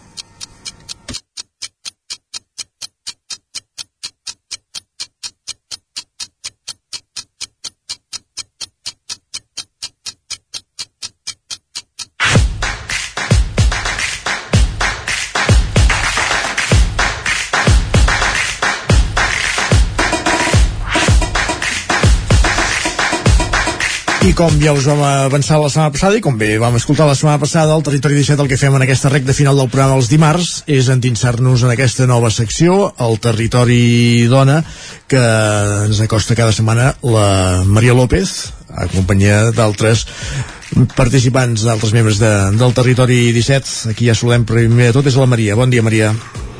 Molt bon dia, Isaac, com estem? Bé, i tu? Doncs bé, arribant aquest, amb aquest so de, de timbals que ens arriba de fons i efectivament avui arribem a un territori dona ben carregat, perquè ja com a punt de sortida t'haig d'explicar que avui 26 d'abril se celebra el Dia de la Visibilitat Lèsbica. Correcte. una jornada que potser per desgràcia per a molta gent també mm, necessita que la justifiquem. Doncs és una de les coses que ens proposem avui. Així que avui posarem la mirada també en aquesta jornada, en la seva necessitat i en quins actes hi ha previstos. Parlarem també de referents de dones lesbianes que siguin públics, però com sempre i com bé deies ara fa un moment Isaac, no estaré sola perquè des de les altres, des de les zones, a través de les zones eh, i des d'Ona Codinenca en aquest cas, tindrem d'una banda la Caral Campàs, que avui arriba trencant mites, oi que sí, Caral? Efectivament, trencarem els mites de que les dones condueixen pitjor que els homes. Temasso, així ha dit, temasso d'entrada. I també des del 9FM tenim a la Clàudia Dinarès, que ha estat fent una mena d'avaluació, per així dir-ho, de les xarxes socials i feminisme, oi que sí, Clàudia? Molt bon dia, doncs sí, uh, us porto la bandera verda i la bandera vermella del que ha passat uh, en els últims dies a les xarxes socials. Doncs arribem ben carregades per aquest territori dona d'avui. Així que som-hi, comencem parlant, com dèiem, d'aquesta jornada d'avui, on celebrarem, com comentàvem abans, el Dia de la Visibilitat Lèsbica. I comencem tirant de Viquipèdia, ho faré així a lo, a, a lo fàcil i ràpid, eh? que ens diu que el Dia de la Visibilitat Lèsbica se celebra cada 26 d'abril des de l'any 2008, o sigui, com veieu, és una jornada relativament nova. És una manera de reclamar la igualtat de drets i oportunitats per a les lesbianes. Les associacions, els moviments LGTBIQ i feministes en són els principals impulsors d'aquesta jornada. Una de les accions que es duen a terme consisteix sobretot a penjar vídeos a les xarxes socials que ajudin una mica a visibilitzar el col·lectiu. En aquesta jornada també es parla molt de la falta de referents lèsbics en la societat, que són menys abundant que el cas dels referents d'homes mm, homosexuals. I fins aquí el que seria la definició de la Viquipèdia. Així que si partim ja amb aquesta mm, definició base d'alguns conceptes claus, hem parlat d'igualtat de drets i hem parlat de falta de referents. Comencem per la igualtat de drets, perquè d'entrada pot semblar que a nivell legal la cosa està ja tota feta. Però si parlem de discriminació, no oblidem que en el cas de les dones lesbianes la discriminació és doble. Per fet de fer dona i per la seva sexualitat. De fet, la Federació Estatal de Lesbianes, Gais, Trans i Bisexuals denuncia que una de cada 10 lesbianes s'ha vist abocada a abandonar el seu lloc de treball per problemes derivats de la seva orientació sexoafectiva. Si imagineu-vos el que pot implicar eh, només el fet ja d'haver de deixar el teu recurs de vida per la teva orientació sexual. A més, el mateix percentatge tem visibilitzar-se obertament per por de les burles, l'aïllament i les represàlies. A Cardedeu, si ens centrem més al tema, al tema local, fins al 2019 no es va celebrar cap diada en aquest sentit, fa tot just dos dies. I va ser aparèixer i desaparèixer, perquè amb la Covid no s'ha pogut tornar a preparar res i, de fet, per avui mateix tampoc s'ha preparat cap tipus d'activitat. Recordem, doncs, algunes de les declaracions que ens van fer des de Cardedeu Feminista per aquella jornada de fa dos anys. Encara hi ha dones, pels motius que siguin, familiars, socials, laborals, el que sea, que encara se senten amb aquesta amb aquesta repressió, no? De no, no, de no, no, de no, no, de no, no, de no, no, de no, no, de no, no, de no, no, de no, no, de no, no, de no poder-se mostrar lliurement, encara que sigui agafar-se de la mà o fer-se un petó. Llavors em sembla important per aquestes dones, no?, que, que encara no se senten segures de mostrar-se i anar tranquil·les, pues que hi hagin actes com aquests no? per empoderar-les i, i que puguin viure tranquil·lament la seva sexualitat. Existeix un, un heteropatriarcat que opera en les nostres vides, no? Llavors se suposa que totes, eh, que les dones enteses com la societat ens entén, eh, som dones perquè ens relacionem sexualment, efectivament amb homes, no? I això no és així, vull dir que les dones són molt diverses i eh, existeixen molts models de relació i volem fer palès que que els models de bollos, lèsbics, el que sigui, doncs eh, són un model com qualsevol altre i, i s'han de reivindicar, a més a més els hem de viure amb orgull, amb plenitud i aquests actes que fem avui també eh, com el, com el Ibisquera Felices, no? Eh, en el nostre imaginari eh, tot, sempre, sempre en el nostre imaginari les històries que s'expliquen de lesbianes acaben amb tragèdies, amb finals fatals. Llavors avui les activitats que fem aquí són per explicar, per passar-nos-ho bé, vull dir, per dir que som bollos eh, i que som felices, que ens ho passem bé, que estem orgulloses a banda d'aquest moment DJ, que hem patit amb l'àudio que s'ha posat així en format raper, ens quedem amb aquest concepte final que ens deia la Nico, el final feliç, que és un altre dels grans drames.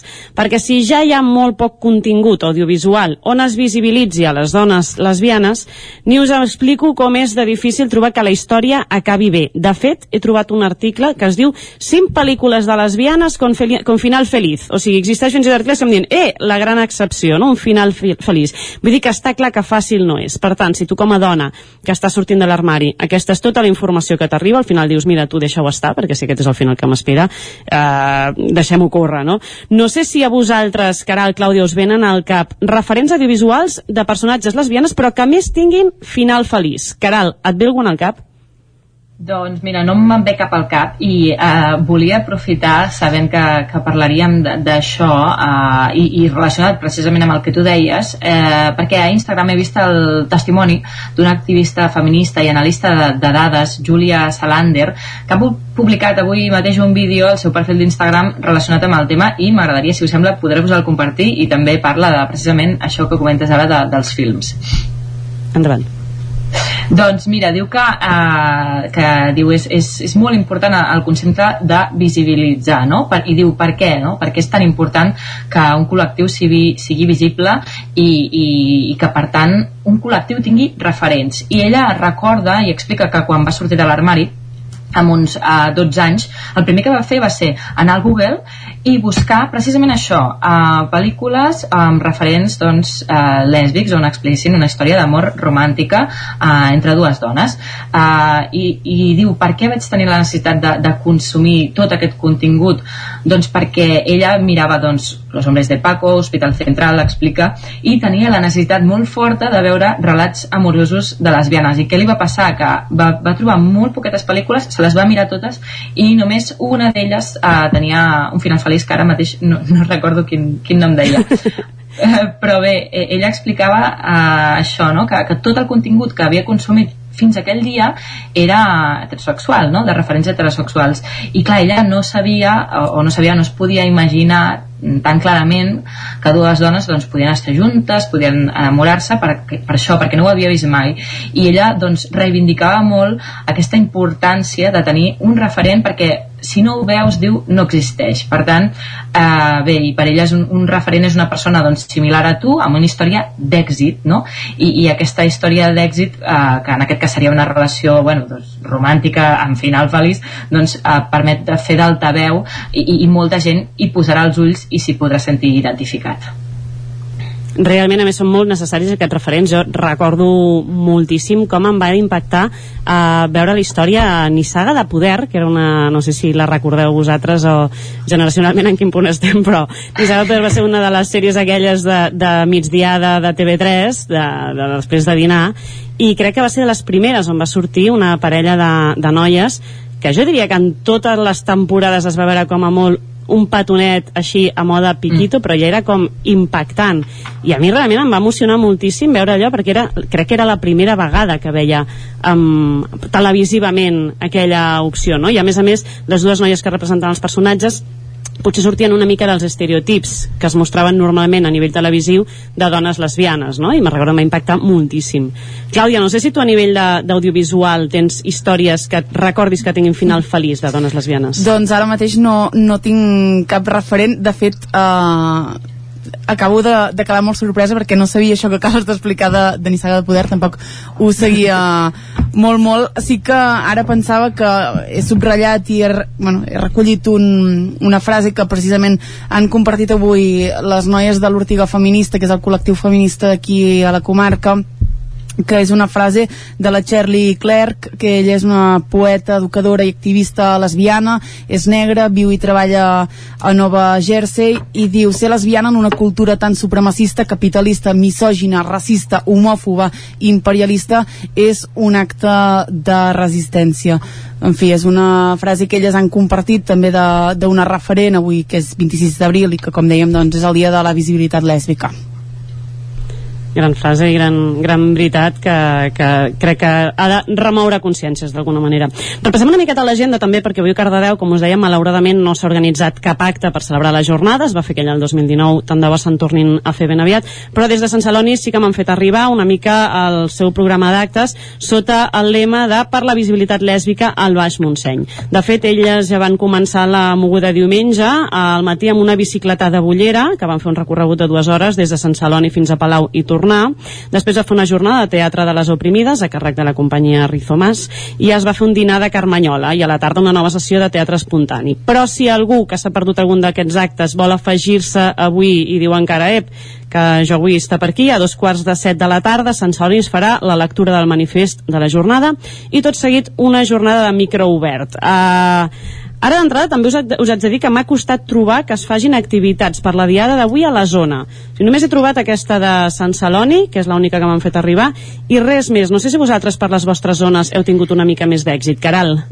Doncs, um, desgraciadament, no. I, de fet, jo que, que sóc de Caldes de Montbui, uh, no recordo, um, com tu comentaves que el 2019 doncs, es va fer, uh, crec que deies a Cardedeu, uh, doncs jo no recordo una jornada dedicada a la, al Dia de la Visibilitat Lèsbica mai feta a Caldes de Montbui. I, de fet, uh, mirant les agendes de Sant Feliu de Codines, Vigues i Riells del FAI i tota la comarca del Moianès, que hi ha força pobles, uh, tampoc he sabut uh, trobar res.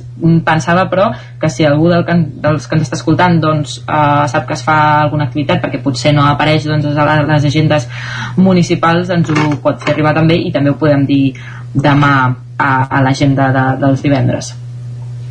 Clàudia, no sé si per la zona de Vic has tingut una mica més d'èxit. Sí, una mica més uh, d'èxit sí que he tingut. Uh, L'Ortiga Feminista, precisament, que ara us comentava amb aquesta, amb aquesta frase de la Shirley Claire que, que comentava fa un moment, elles han convocat una concentració aquest mateix vespre a la plaça Vella de Vic en una piulada, de fet demanen a les participants que portin calçat còmode això no sabem uh, si vol dir que la cosa es quedarà en una concentració o bé que es farà algun tipus de marxa també demanen que es porti una mica de pica-pica i bueno, sigui com sigui la convocatòria està prevista a dos quarts de vuit del vespre com dèiem a la plaça Vella de Vic. Doncs ja sabeu apuntat tot això a l'agenda. I abans però de passar-li el relleu a la Carat que ens portava tot el tema de la conducció molt interessant, us vull fer un petit joc Mireu, un dels motius pels que és tan important una jornada com aquesta és precisament per aquesta falta de referents de la que parlaven. Hi ha molt poques dones que siguin personatges públics i que diguin obertament que són lesbianes. Així que us proposo totes dues, Caral i Clàudia, un petit repte. Val? Uh, serà un concurs entre vosaltres dues per saber com aneu de coneixement de referents lèsbics. Uh, no sé a què ens hi podem jugar. Potser una paella a la propera reunió, alguna cosa així interessant, però que quedi, que quedi amb repte. Accepteu o no? Acceptem. D'acord, sí. Vinga, va, disposades, eh? Va, us explico una mica la mecànica del joc, és molt fàcil. Jo us diré una professió dintre del món de, de personatges públics, diguéssim, i m'heu de respondre ràpidament, a veure quina és més ràpida de vosaltres dues, amb el nom d'una professional d'aquell sector que hagi dit obertament que és lesbiana. No vol fer servir Google que sé que el tindreu ja allà, home, ràpid no s'hi va, eh? I si no en sabeu cap, no passa res, vull dir, al final, de fet, és una manera de saber si, si són, són espais o, o camps en els que realment hi ha hagut prou visibilitat. Bàsicament es tracta que sigueu una més ràpida que l'altra, d'acord? D'acord. D'acord. Preparades? Som-hi amb el rellotge, a 25 pessetes per resposta acertada? Va. Vinga, 3, 2, 1, actrius. Ah, actrius. Clar, és que ara ens enganxes així, eh? Uh... Ui, ui, ui, ara en fred, ara en fred. Alguna actriu? Doncs aquesta era facileta, eh? No, jo pues, no, no. Jo, no, no, jo tampoc. Faig compte enrere de 5, si no es ve cap enrere, 5, 4, 3, 2, 1... Desastre, desastre absolut la primera ronda. Mireu, tinc aquí, que jo sí que he pogut fer la búsqueda, per exemple, Jodie Foster, a Ellen Page o a nivell més nacional Elena Anaya que a més a més Elena Anaya va protagonitzar Habitación en Roma que és una de les pel·lícules lèsbiques més, més importants que s'han fet en el nostre, en el nostre país som en una altra categoria, a veure si tenim més èxit val? va preparades? temps sí. esportistes Uh, L'Alexia Putura suposo que no ho és, no? Clar, aquí ens podem ficar amb, amb camps, amb jardins importants, perquè aquí clar. podem assenyalar persones que no, no tenim clar, per tant, jo prefereixo ser prudent. Seria... Sí, sí, pre precisament la gràcia seria que si han sigut visibles ho tinguem clar. No, perquè si no doncs jo clar, prefereixo no dir si ningú. No. Jo també, jo tampoc, vull dir. Doncs uh, re, desastre 2, seguim. Tenim Amélie Mauresmo, famosa tenista francesa, la Yulimar Rojas, que és atleta, eh, va ser campiona olímpica venezolana, que a més a més estava al Barça, feia pista i em sembla que feia salt també, i la Lola Gallardo, per exemple, que és portera de l'Atlético de, de Madrid. Així com tres exemples ràpids, eh? Som-hi una tercera categoria, a veure si, si anem, eh, anem aconseguint alguna cosa. Aquesta potser seria de les més complicades, eh, encara? O sigui, a veure a què veure. passa. 3, 2, 1, polítiques. Ni una. No, No, te'n sé no. dir ni una. Jo tampoc. Fora. Tenim Marcela. Patricia Riquelme, que és eh, diputada xilena, de fet va ser la primera diputada xilena obertament lesbiana. Ángeles Álvarez, aquí a Espanya, diputada socialista, que va ser-ho fins al 2019, i a nivell potser més amb més càrrec, eh, però ja a nivell internacional, la Johanna, no sé si seré capaç de dir el cognom, Sigurdardóttir, que va ser la primera ministra d'Islàndia entre el 2013 i el 2019. A veure, va, amb la propera sí, eh? La propera jo crec que algun nom em direu. A va. veure. Mm, 3, 2, 1, temps. Presentadores. Sandra Berneda. Exacte, sí, són les... Eh! I la parella? Ana Gora i Robles. Molt Que ja bé, no és ja parella, tenim dos. Ah, ja no... Ah, mira, veus, ara tenim la zona de safreig. Aquesta no la sabia jo, que jo no era parella. I uh, internacionalment també molt famosa, la Ellen... De, no sé dir mai aquest cognom, la Ellen DeGeneres, em sembla que, que es pronuncia així, que també ha sigut de les, de les portaveus del col·lectiu amb més, amb més tirada.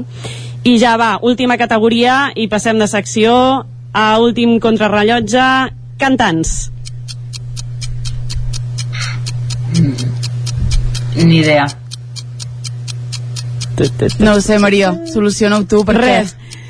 Tracy Chapman, per exemple, Tigan Ansara i un altre d'aquests no confirmats però que sí que ha sortit doncs, moltes vegades vinculada al, al, amb mogudes i amb, i amb manifestacions, etc és la Vanessa Martín que tot i que crec que no ho ha dit de manera oficial és com una oficialitat així bastant, bastant oberta i fins aquí la nostra poca visibilitat, perquè està clar que alguna cosa està fallant si ens costa, si ens costa tant trobar aquests noms. Jo no us enganyaré, els he hagut de, bus de buscar pràcticament tots, perquè, excepte les presentadores que amb vosaltres, eh, em trobava atrapadíssima a l'hora de dir noms. Així que està clar que fan falta aquests referents, com veníem, com veníem dient avui. Així que fins aquí l'apartat de la visibilitat. Eh, anem ara sí, Caral, perquè ens portes aquest tema tan interessant sobre la conducció. Sí, eh, parlem de trencar mites i en aquest cas doncs, parlaré d'un dels més coneguts i és que les dones condueixen pitjor que els homes. No sé um, si vosaltres eh, heu sentit o heu patit uh, aquest comentari a la vostra pell o segurament ho heu vist també en pel·lícules o en molts altres espais. Uh, us ha passat això? A mi directament, o sigui, més que algú que t'ho digui obertament, allò de, en conversa algú proper, no, però sí que algun cop, en algun moment així de, de tensió a la carretera, eh, allò de, doncs no, que vas entrar, que no vas entrar, que, que et cridin per la finestra, sí.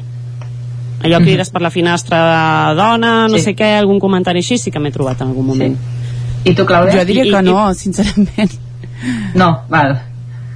Doncs bé, eh, parlem d'això perquè, a veure, eh, és una, tothom, tothom sap que sí que és, és un tòpic potser molt extès, pot, pot, potser amb la gent més jove no tant, però sobretot potser amb, amb generacions ja me, més avançades, doncs, doncs hi és molt, no?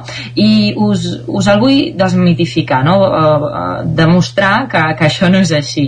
Um, I per fer això m'ajudaré d'un estudi que, que va publicar Midas, que és una cadena especialista en el manteniment, manteniment de l'automòbil. Eh, i bé, és eh, un estudi que també juntament amb la col·laboració de la DGT dona diverses dades que, que bé, demostren que això no és així. Eh, primer, um, per demostrar que això passa, que aquesta frase sí que hi és, diuen que gairebé la meitat de les catalanes, un 45,74% han rebut comentaris incòmodes per, per raó de sexe quan estaven al volant i a nivell d'estat espanyol la xifra és del 50,66%. A més a més, aquest estudi també demostra que hi ha un 13% dels homes que consideren que les dones condueixen pitjor que els homes eh, i és un pensament que també diuen tenen interioritzat un 7,45% de les dones. Per tant bé, també hi ha, hi ha feina per les dues bandes per fer.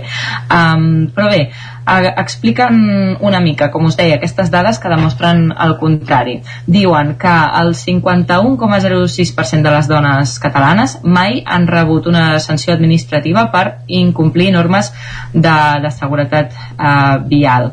També expliquen que que la meitat de les dones catalanes ho, han, han trobat limitacions a l'hora de conduir a una data inferior a la mitjana nacional, una mica inferior. A nivell català és un 48,94% i a nivell d'estat espanyol és un 49%. Situa Catalunya en el cinquè lloc eh, mundial d'això, eh, de trobar-se limitacions per part de les dones a l'hora de conduir. Cinquè lloc només eh, per, per després d'Astúries. També altres dades que, que diuen, diuen que una de cada tres catalanes considera que la discriminació és la raó principal perquè, per això, perquè les dones no es dediquen en major mesura a la conducció professional. Clar, no, no sé jo, vosaltres, eh, i aquí em venia al cap, no, jo utilitzo molt el, el Segalés, eh, aquí a Caldes de Montbui, i sí que és cert que de tots els autobusos que he agafat a la meva vida, que són molts, només he vist una dona conductora d'autobús. No sé si us ho heu trobat vosaltres eh, també, això. Jo no recordo mai, no recordo haver agafat mai un autobús ni taxistes, per exemple, no, no mm. recordo haver agafat mai ni un taxi ni un autobús conegut conduït per una dona. N'he vist i, i me recordo que m'hagués sobtat allò de, ostres, mira, no, que encara mm. és motiu com per dir mm, una dona conduint un autobús, sembla que avancem, però que avancem, si és una cada 100, no sé si avancem massa, saps? Doncs jo no, eh? jo us he de dir que a Vic, eh, per exemple, a les línies interurbanes dels busos de Vic sí que hi han conductores d'autobusos, per tant, eh, aquí ho percebem com una cosa absolutament normal que hi hagin dones al, volta, al volant de, dels autobusos i també he de dir que de taxistes sí que n'hi han de dones, jo he anat amb taxistes dones, de fet, sí, uh mhm. -huh. n'hi han i tant. Uh -huh. Uh, bé, doncs, Vic aquí diferents... marcant, marcant bandera, eh, Vic? Molt Home, bé. tant, líders.